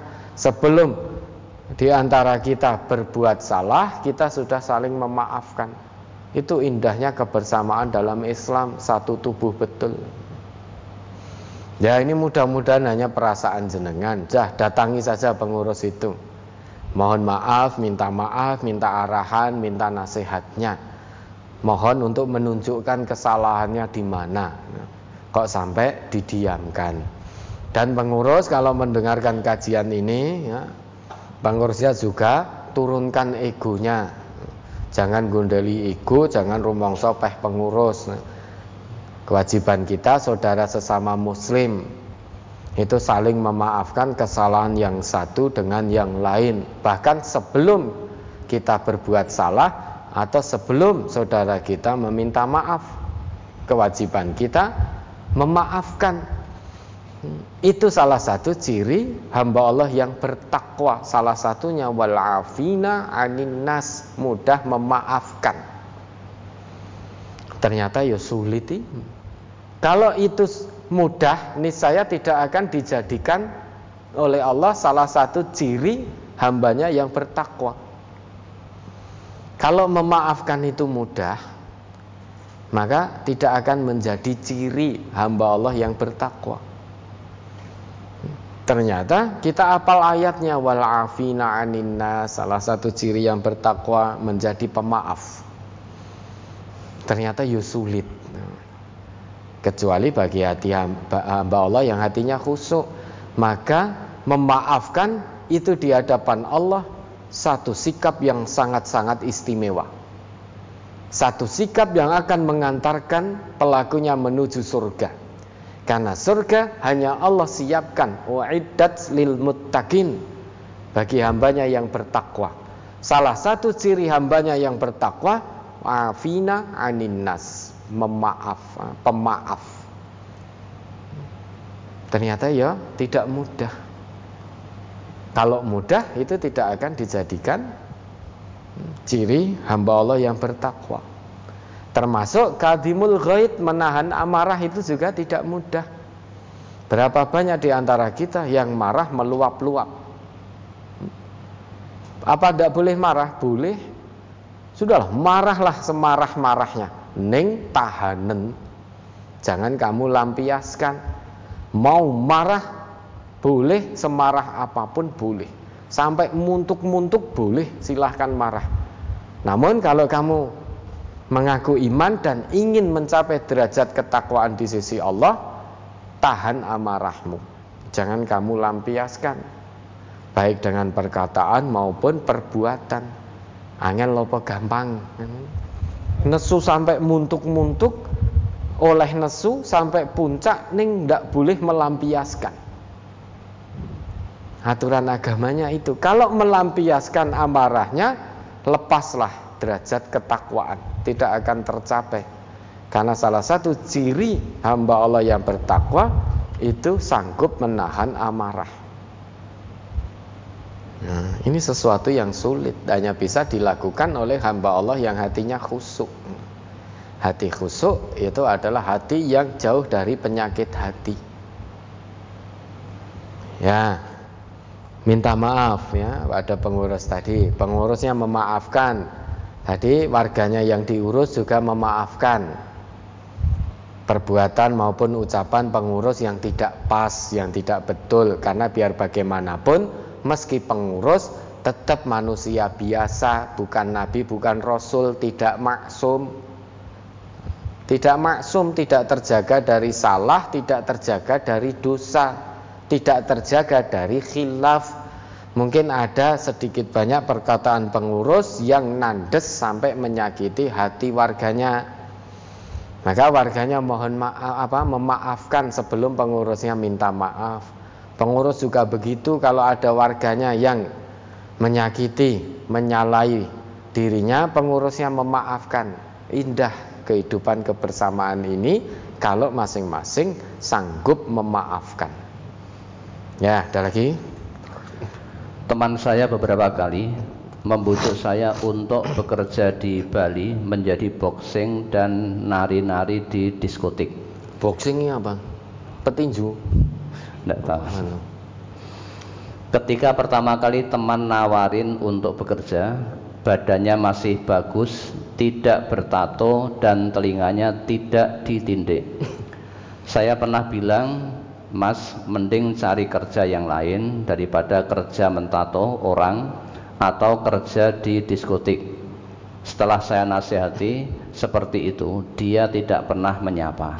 Pertanyaan, apakah saya menolak pekerjaan tersebut termasuk nikmat iman? Apakah ada ayat atau hadis yang menerangkan tato dan mentato orang?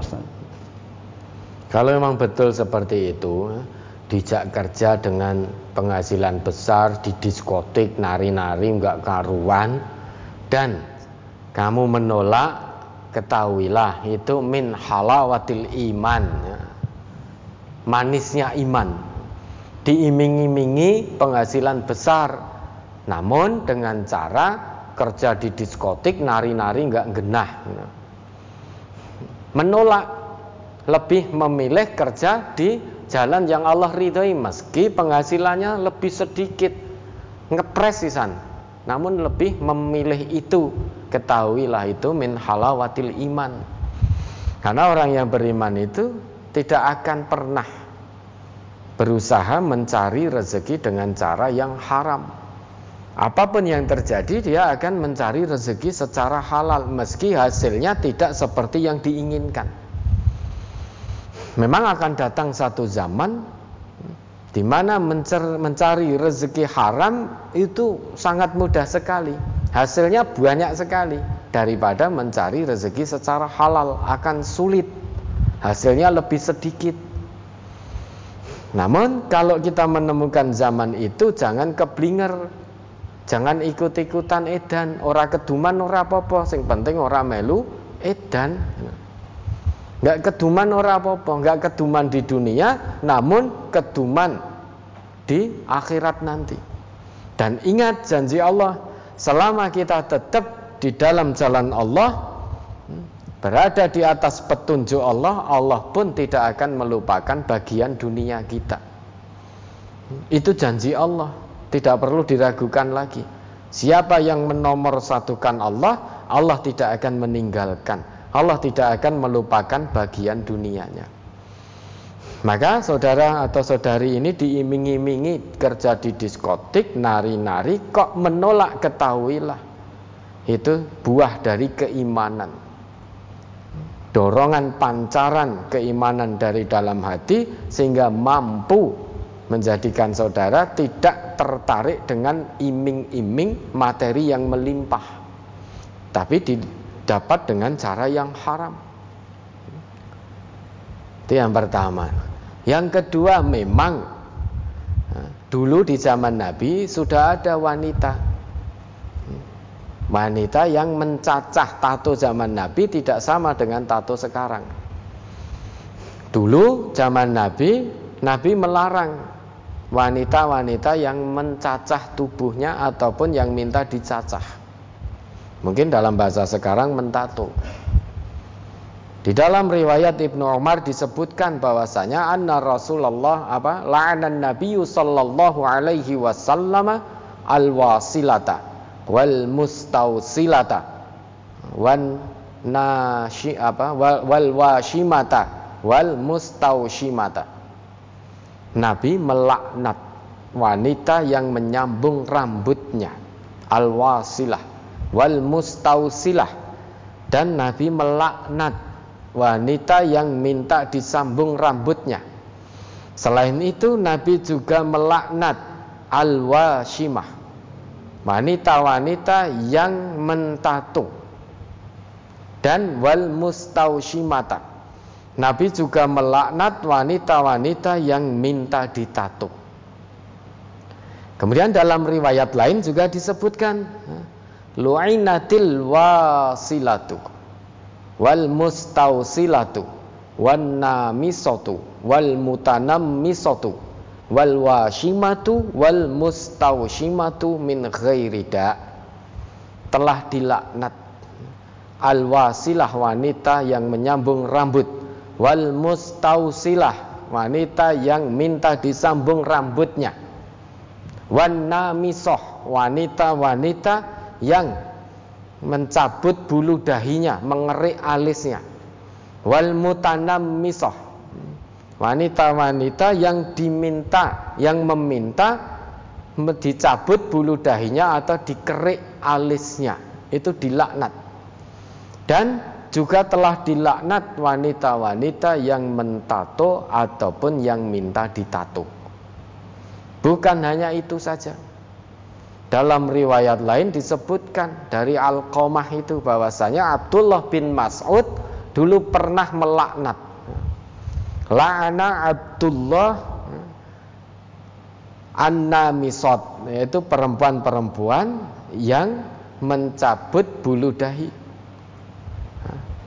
Atau al-washimat yang mentato wal mutanam misot yang mencabut bulu dahi. Yang minta dicabut bulu dahi. Wal mutafallijat lil husni Abdullah bin Mas'ud juga pernah melaknat wanita-wanita yang menjarangkan giginya biar kelihatan cantik. Kan sekarang marak toh para wanita-wanita itu menjarangkan giginya biar terlihat cantik. Wanita-wanita yang seperti ini yang mentato atau meminta disambung apa namanya itu yang minta dikerik alisnya atau yang menjarangkan giginya biar kelihatan cantik mereka itulah al mughayyirati khalqallah. Para wanita yang merubah ciptaan Allah.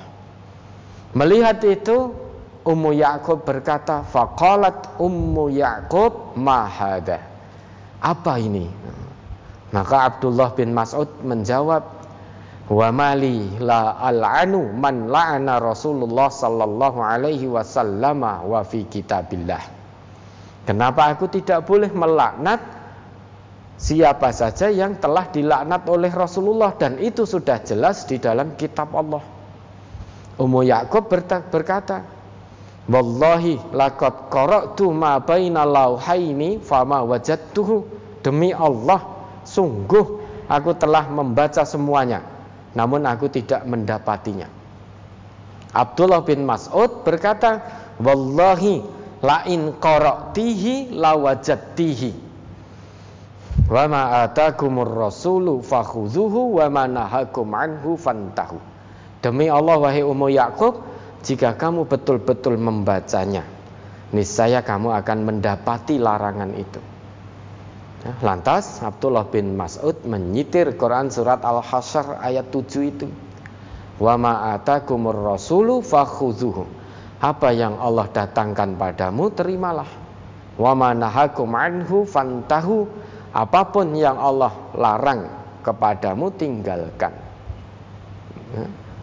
Apa yang Rasul larang tinggalkan, apa yang Rasul datangkan padamu terima, yang Rasul tinggal apa larang tinggalkan. Rasul telah melarang wanita mentato atau minta ditato.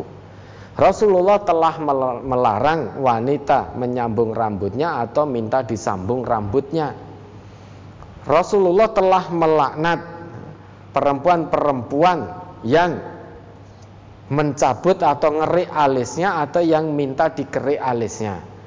Rasulullah telah melaknat perempuan-perempuan yang menjarangkan giginya agar kelihatan cantik. Maka tinggalkan semua hal yang dilarang oleh Rasulullah. Ya, ini terkait dengan tato mentato. Dulu zaman Nabi sudah ada wanita-wanita yang hobinya mencacah maupun minta dicacah. Dan itu dilarang, dilaknat oleh Rasulullah. Ya, ada lagi. Ustadz, karena pengaruh KB, haid saya tidak teratur dan ketika haidnya keluarnya tidak terus menerus kadang siang keluar sampai malam baru berhenti. Apakah di waktu tidak keluar darah haid saya tetap sholat atau menunggu sampai masa haid habis? Biasanya haidnya 5 sampai 7 hari. Atas jawabannya saya ucapkan terima kasih. Tunggu sampai masa haid habis tidak teratur keluarnya, siang keluar, malam tidak keluar. Bagaimana kemudian tunggu sampai selesai? Selain itu periksakan ke ahlinya, ke dokter. Kenapa kok seperti ini? Oh, mungkin KB-nya karena tidak cocok, maka ganti yang lebih cocok biar haidnya teratur. Ya. Sehingga kalau tidak teratur seperti itu, tunggu sampai betul-betul selesai. Baru kemudian kalau sudah selesai betul mandi baru sholat. Ya, ada lagi. Apakah ada tuntunannya sholat witir sebelum tidur? Jika ada, berapa rakaat sholat yang dilaksanakan Ustaz? Ada tuntunan dari Nabi itu. Bah, bah, bahkan Nabi itu berwasiat kepada Abu Hurairah. Ini menurut pengakuan Abu Hurairah. Qala Abu Hurairah ausani khalili sallallahu alaihi wasallam bisalasin.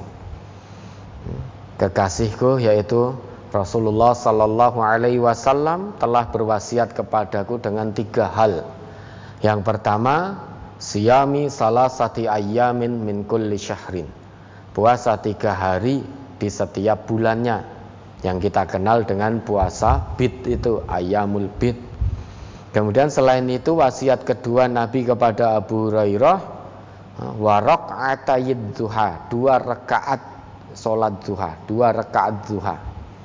Kemudian yang ketiga wa an utira qabla an anama.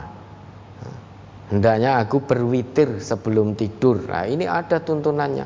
Terkait rekaatnya tidak dijelaskan di sini. Namun ada tuntunan itu untuk sholat witir sebelum tidur.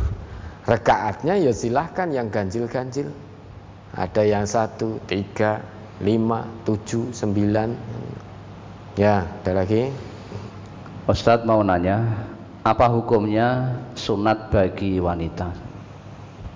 Hukumnya mubah karena tidak ada hadis yang soreh atau sohih secara tegas dan sohih yang menyuruh wanita bersunat atau berkhitan. Memang ada beberapa hadis yang menyebutkan tentang khitan bagi wanita. Namun setelah diteliti, hadis-hadis itu dhaif semuanya. Tidak ada satupun hadis yang sahih. Sebagai contoh, hadis dari Abdul Malih dari ayahnya, an Abil Malih ibni Usamah an abihi dari Abdul Malih bin Usamah dari bapaknya bahwa Rasulullah pernah bersabda as-sunnatu al-khitanu sunnatun lirrijal wa makrumatun nisa khitan itu sunnah bagi laki-laki dan kemuliaan bagi perempuan.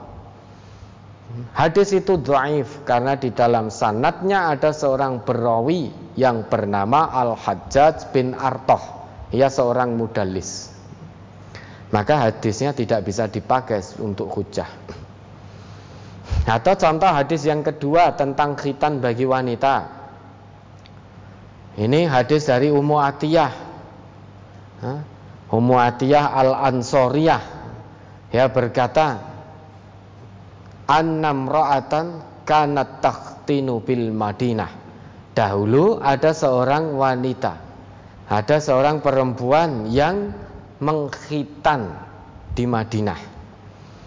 Faqala lahan Nabi sallallahu alaihi wasallam Nabi bersabda kepada perempuan yang mengkhitan itu di Madinah itu, "Latun hiki, jangan kamu habiskan." Fa inna dzalika mar'ati wa ahabbu ilal ba'li. Karena sesungguhnya itu lebih menyenangkan bagi istri dan lebih dicintai suami. Hadis ini pun juga dhaif. Karena di dalam sanatnya ada seorang perawi yang bernama Muhammad bin Hasan, dia majahul. Tidak diketahui.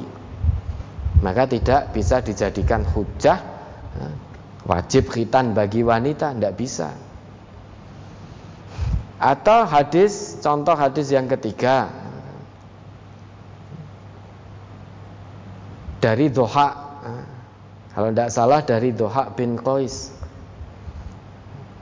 Beliau menyatakan bahwasanya dahulu ada di Madinah itu imra'atun takhfidun nisa'a yuqalu laha ummu atiyah.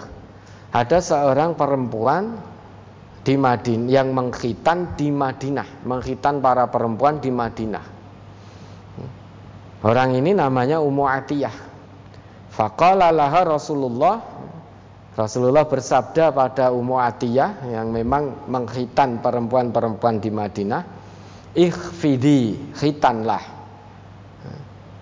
Walatun hiki, jangan kamu habiskan. Fa innahu wajhi wa ahda indaz zauji. Karena sesungguhnya khitan bagi perempuan itu lebih mencerahkan wajah dan lebih dicintai suami. Hadis ini pun juga dhaif. Karena dalam sanatnya ada perawi yang bernama Abdul Malik bin Umar. Ia masih diperselisihkan. Sehingga tidak bisa dijadikan hujah hadis yang diriwayatkan olehnya.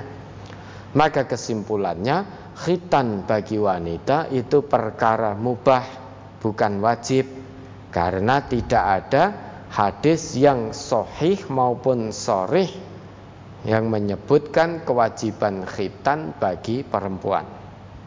Ya, ada lagi. Sebelum mengaji, kami mengasuh anak laki anak orang lain dari sejak bayi sampai sekarang sudah kelas 3 SMA. Bagaimana solusi kami menjaga hubungan karena anak asuh sudah dewasa dan bukan mahram? Nah kalau sudah tahu itu bukan mahram Anaknya kan laki-laki Berarti kan bukan mahram dengan ibu angkatnya Sekarang sudah dewasa Ya dimengertikan anaknya. Nak dimengertikan Dipahamkan. Meskipun itu diasuh sejak bayi Sekarang sudah dewasa Itu bukan mahram. Anak angkat itu bukan mahram. Selama dia tidak disusui oleh ibu angkatnya. Nah, sejak bayi sudah diasuh, kemudian saking biasanya wong diopeni sejak bayi, sekarang sudah dewasa. Mungkin anaknya belum tahu kalau itu ibu angkatnya, bukan ibu kandungnya. Maka kewajiban panjenengan memberitahu anaknya bagi yang adopsi, yang ngangkat-ngangkat anak ini, satu saat itu wajib diberitahu. Jangan disembunyikan nasabnya. Ya, wajib diberitahu dengan penuh kehati-hatian. Sampaikan kulil haq walau kana murran. Sampaikan sejujurnya, sampaikan sebenarnya meski pahit akibatnya. Pahit di awal namun manis di akhir. Pahit di awal, selebihnya akan manis. Mungkin anak tadi belum tahu, begitu diberitahu akan kaget, akan shock. Nah, itu pahit di awal. Jangan takut untuk memberitahukan yang sebenarnya karena itu perintah Allah, perintah Nabi. Shock di awal lama-lama nanti akan bisa memahami. Daripada tidak diberitahu namun setiap hari berdosa, kulaan dosa. Nah, setiap hari karena sejak bayi sekarang sudah dewasa anak angkat yang laki tadi dengan ibu angkatnya ya, salaman, meluk, nyium dan lain sebagainya dosa setiap hari itu. Hanya gara-gara takut nanti anaknya sok, namun setiap hari kulaan dosa. Maka dimengertikan dengan baik dan ibu angkatnya harus menjaga diri juga. Di hadapan anak angkatnya jangan mengumbar aurat tetap mau digunakan jilbab dan lain sebagainya karena itu bukan mahram. Anaknya diberitahu, kemudian ibunya atau istri jenengan diberitahu untuk saling menjaga diri itu bukan mahram. Kalau selama ini anak pamit pergi salaman dengan ibu angkatnya sudah diberitahu mulai sekarang tidak usah salaman. Ibu angkatnya selama ini mungkin sudah saking biasanya Ya, kalau di rumah di depan anak angkatnya wong sejak bayi ya, tidak menutup aurat, ya, buka jilbab, pakai rok pendek dan lain sebagainya, mulai sekarang dijaga. Jangan kulak dosa terus. Solusinya seperti itu dimengertikan. Masing-masing menjaga dirinya. Ya, ada lagi. Ustaz, apakah boleh sholat saat adzan masih berkumandang karena terburu-buru? Lah sholat kok terburu-buru piye? Orang sholat itu mau bermunajat kepada Allah. Ada interaksi dengan Allah di situ. Maka perintah Nabi, fal yang bima yunajihi Hendaknya orang yang sholat itu memperhatikan betul apa yang sedang dia munajatkan kepada Allah. Lah sekarang sholat kok terburu-buru? Dengar adzan itu aturan agamanya tuntunannya kita mendengarkan dan menirukan. Orang yang mendengar adzan kemudian menirukan adzan diiming-imingi oleh Nabi kita dengan surga. Masa panjenengan diiming-imingi Nabi surga? Tidak mau Nabi kita kan bersabda ya. Hadis ini dari Umar bin Khattab Nabi bersabda Idza qala al muadzinu Allahu akbar Allahu akbar qala ahadukum Allahu akbar Allahu akbar Jika muadzin itu berseru Allahu akbar Allahu akbar salah seorang di antaramu yang mendengar menirukan dengan mengucapkan Allahu akbar Allahu akbar Summa qala asyhadu alla ilaha illallah qala asyhadu alla ilaha illallah dan seterusnya mengikuti ucapan muadzin itu sampai di hayya 'ala sholah yang mendengar mengucapkan la haula wala quwata illa billah hayya 'alal falah yang mendengar mengucapkan la haula wala quwata illa billah kemudian ditutup sampai akhir ya La ilaha illallah muadzin mengucapkan la ilaha illallah yang mendengar menirukan dengan penuh keikhlasan yang keluar dari dalam hatinya min qalbihi dakhalal jannah. Maka dia akan masuk surga. Jaminan iming-iming dari Nabi. Ada muadzin menyeru Allahu akbar Allahu akbar. Dengarkan dengan khidmah, tirukan. Kemudian setelah itu berdoa dengan doa sesudah azan.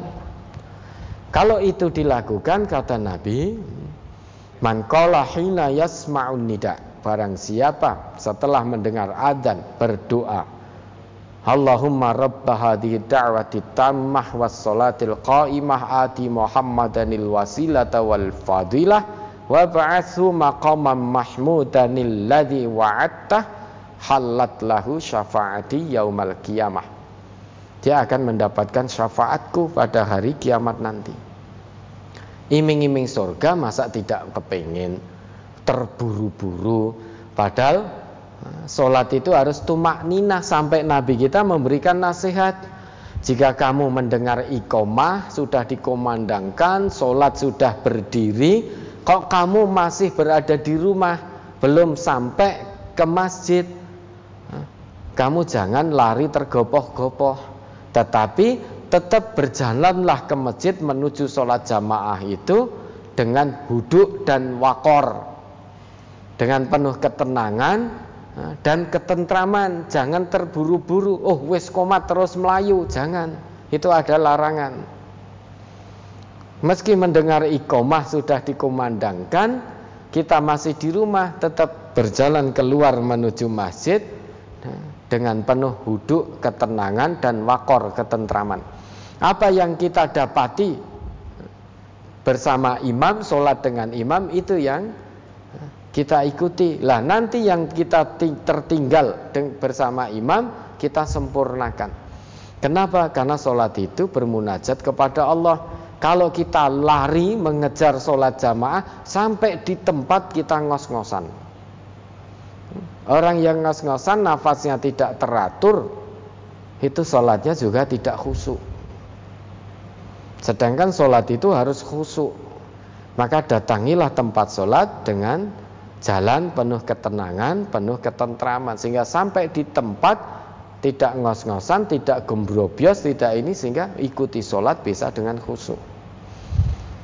Nah ini pertanyaan tadi dengar adzan terburu-buru, selak ngopo gitu loh. Wong diimingi surga oleh Nabi, Allah beri waktu kita sehari 24 jam, masa dalam 24 jam mendengar dan menirukan adzan yang hanya beberapa menit kita tidak sanggup? Lantas terbuat dari apa hati kita? Kok lebih memilih terburu-buru mengejar keinginan dunia daripada eh, mengusahakan surganya Allah dan orang sholat terburu-buru itu jelas tidak benar. Sholat kok terburu-buru?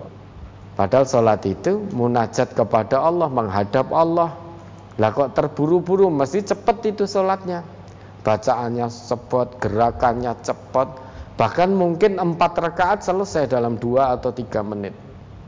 Padahal empat rakaat. Ya, lebih dipahami lagi makna sholat. Sholat itu bukan hanya sekedar menggugurkan kewajiban Nunaikannya juga harus dengan penuh tumak ninah dan kekhusuan Oke, ada lagi? Sudah, cukup Sudah? Ya, sebelum diakhiri, mari ada yang perlu disampaikan dulu. Ada permohonan doa untuk kesembuhan saudara kita yang sakit. Yang pertama Bapak Pujianto dari Trucuk 2, kemudian warga Cepu ada tiga orang, Bapak Maukar Prasodo, Bapak Narso dan saudara Sifta Adi. Kemudian suami dan anak dari Ibu Yuniati Susilawati Kendal, keluarga Temanggung ada delapan orang, semuanya sakit mohon doanya. Baik, mari kita doakan beliau-beliau ini. Allahumma shfihim, Allahumma shfihim, Allahumma shfihim. Mudah-mudahan jadi kafaroh dari dosa-dosa. Oke, ada lagi.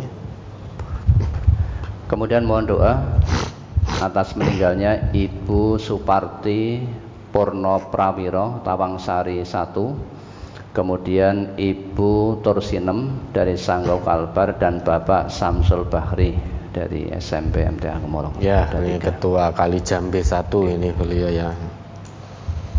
Ya, mari kita doakan beliau bertiga ini.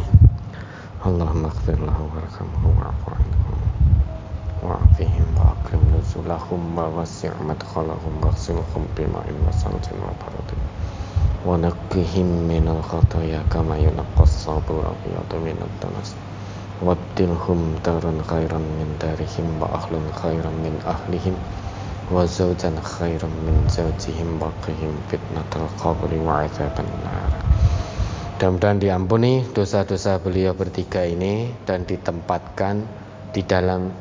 jannahnya yaitu surganya Allah Ya, ada lagi. Kemudian ada infak untuk pondok pesantren MTA dan juga media dakwah kita. Baik.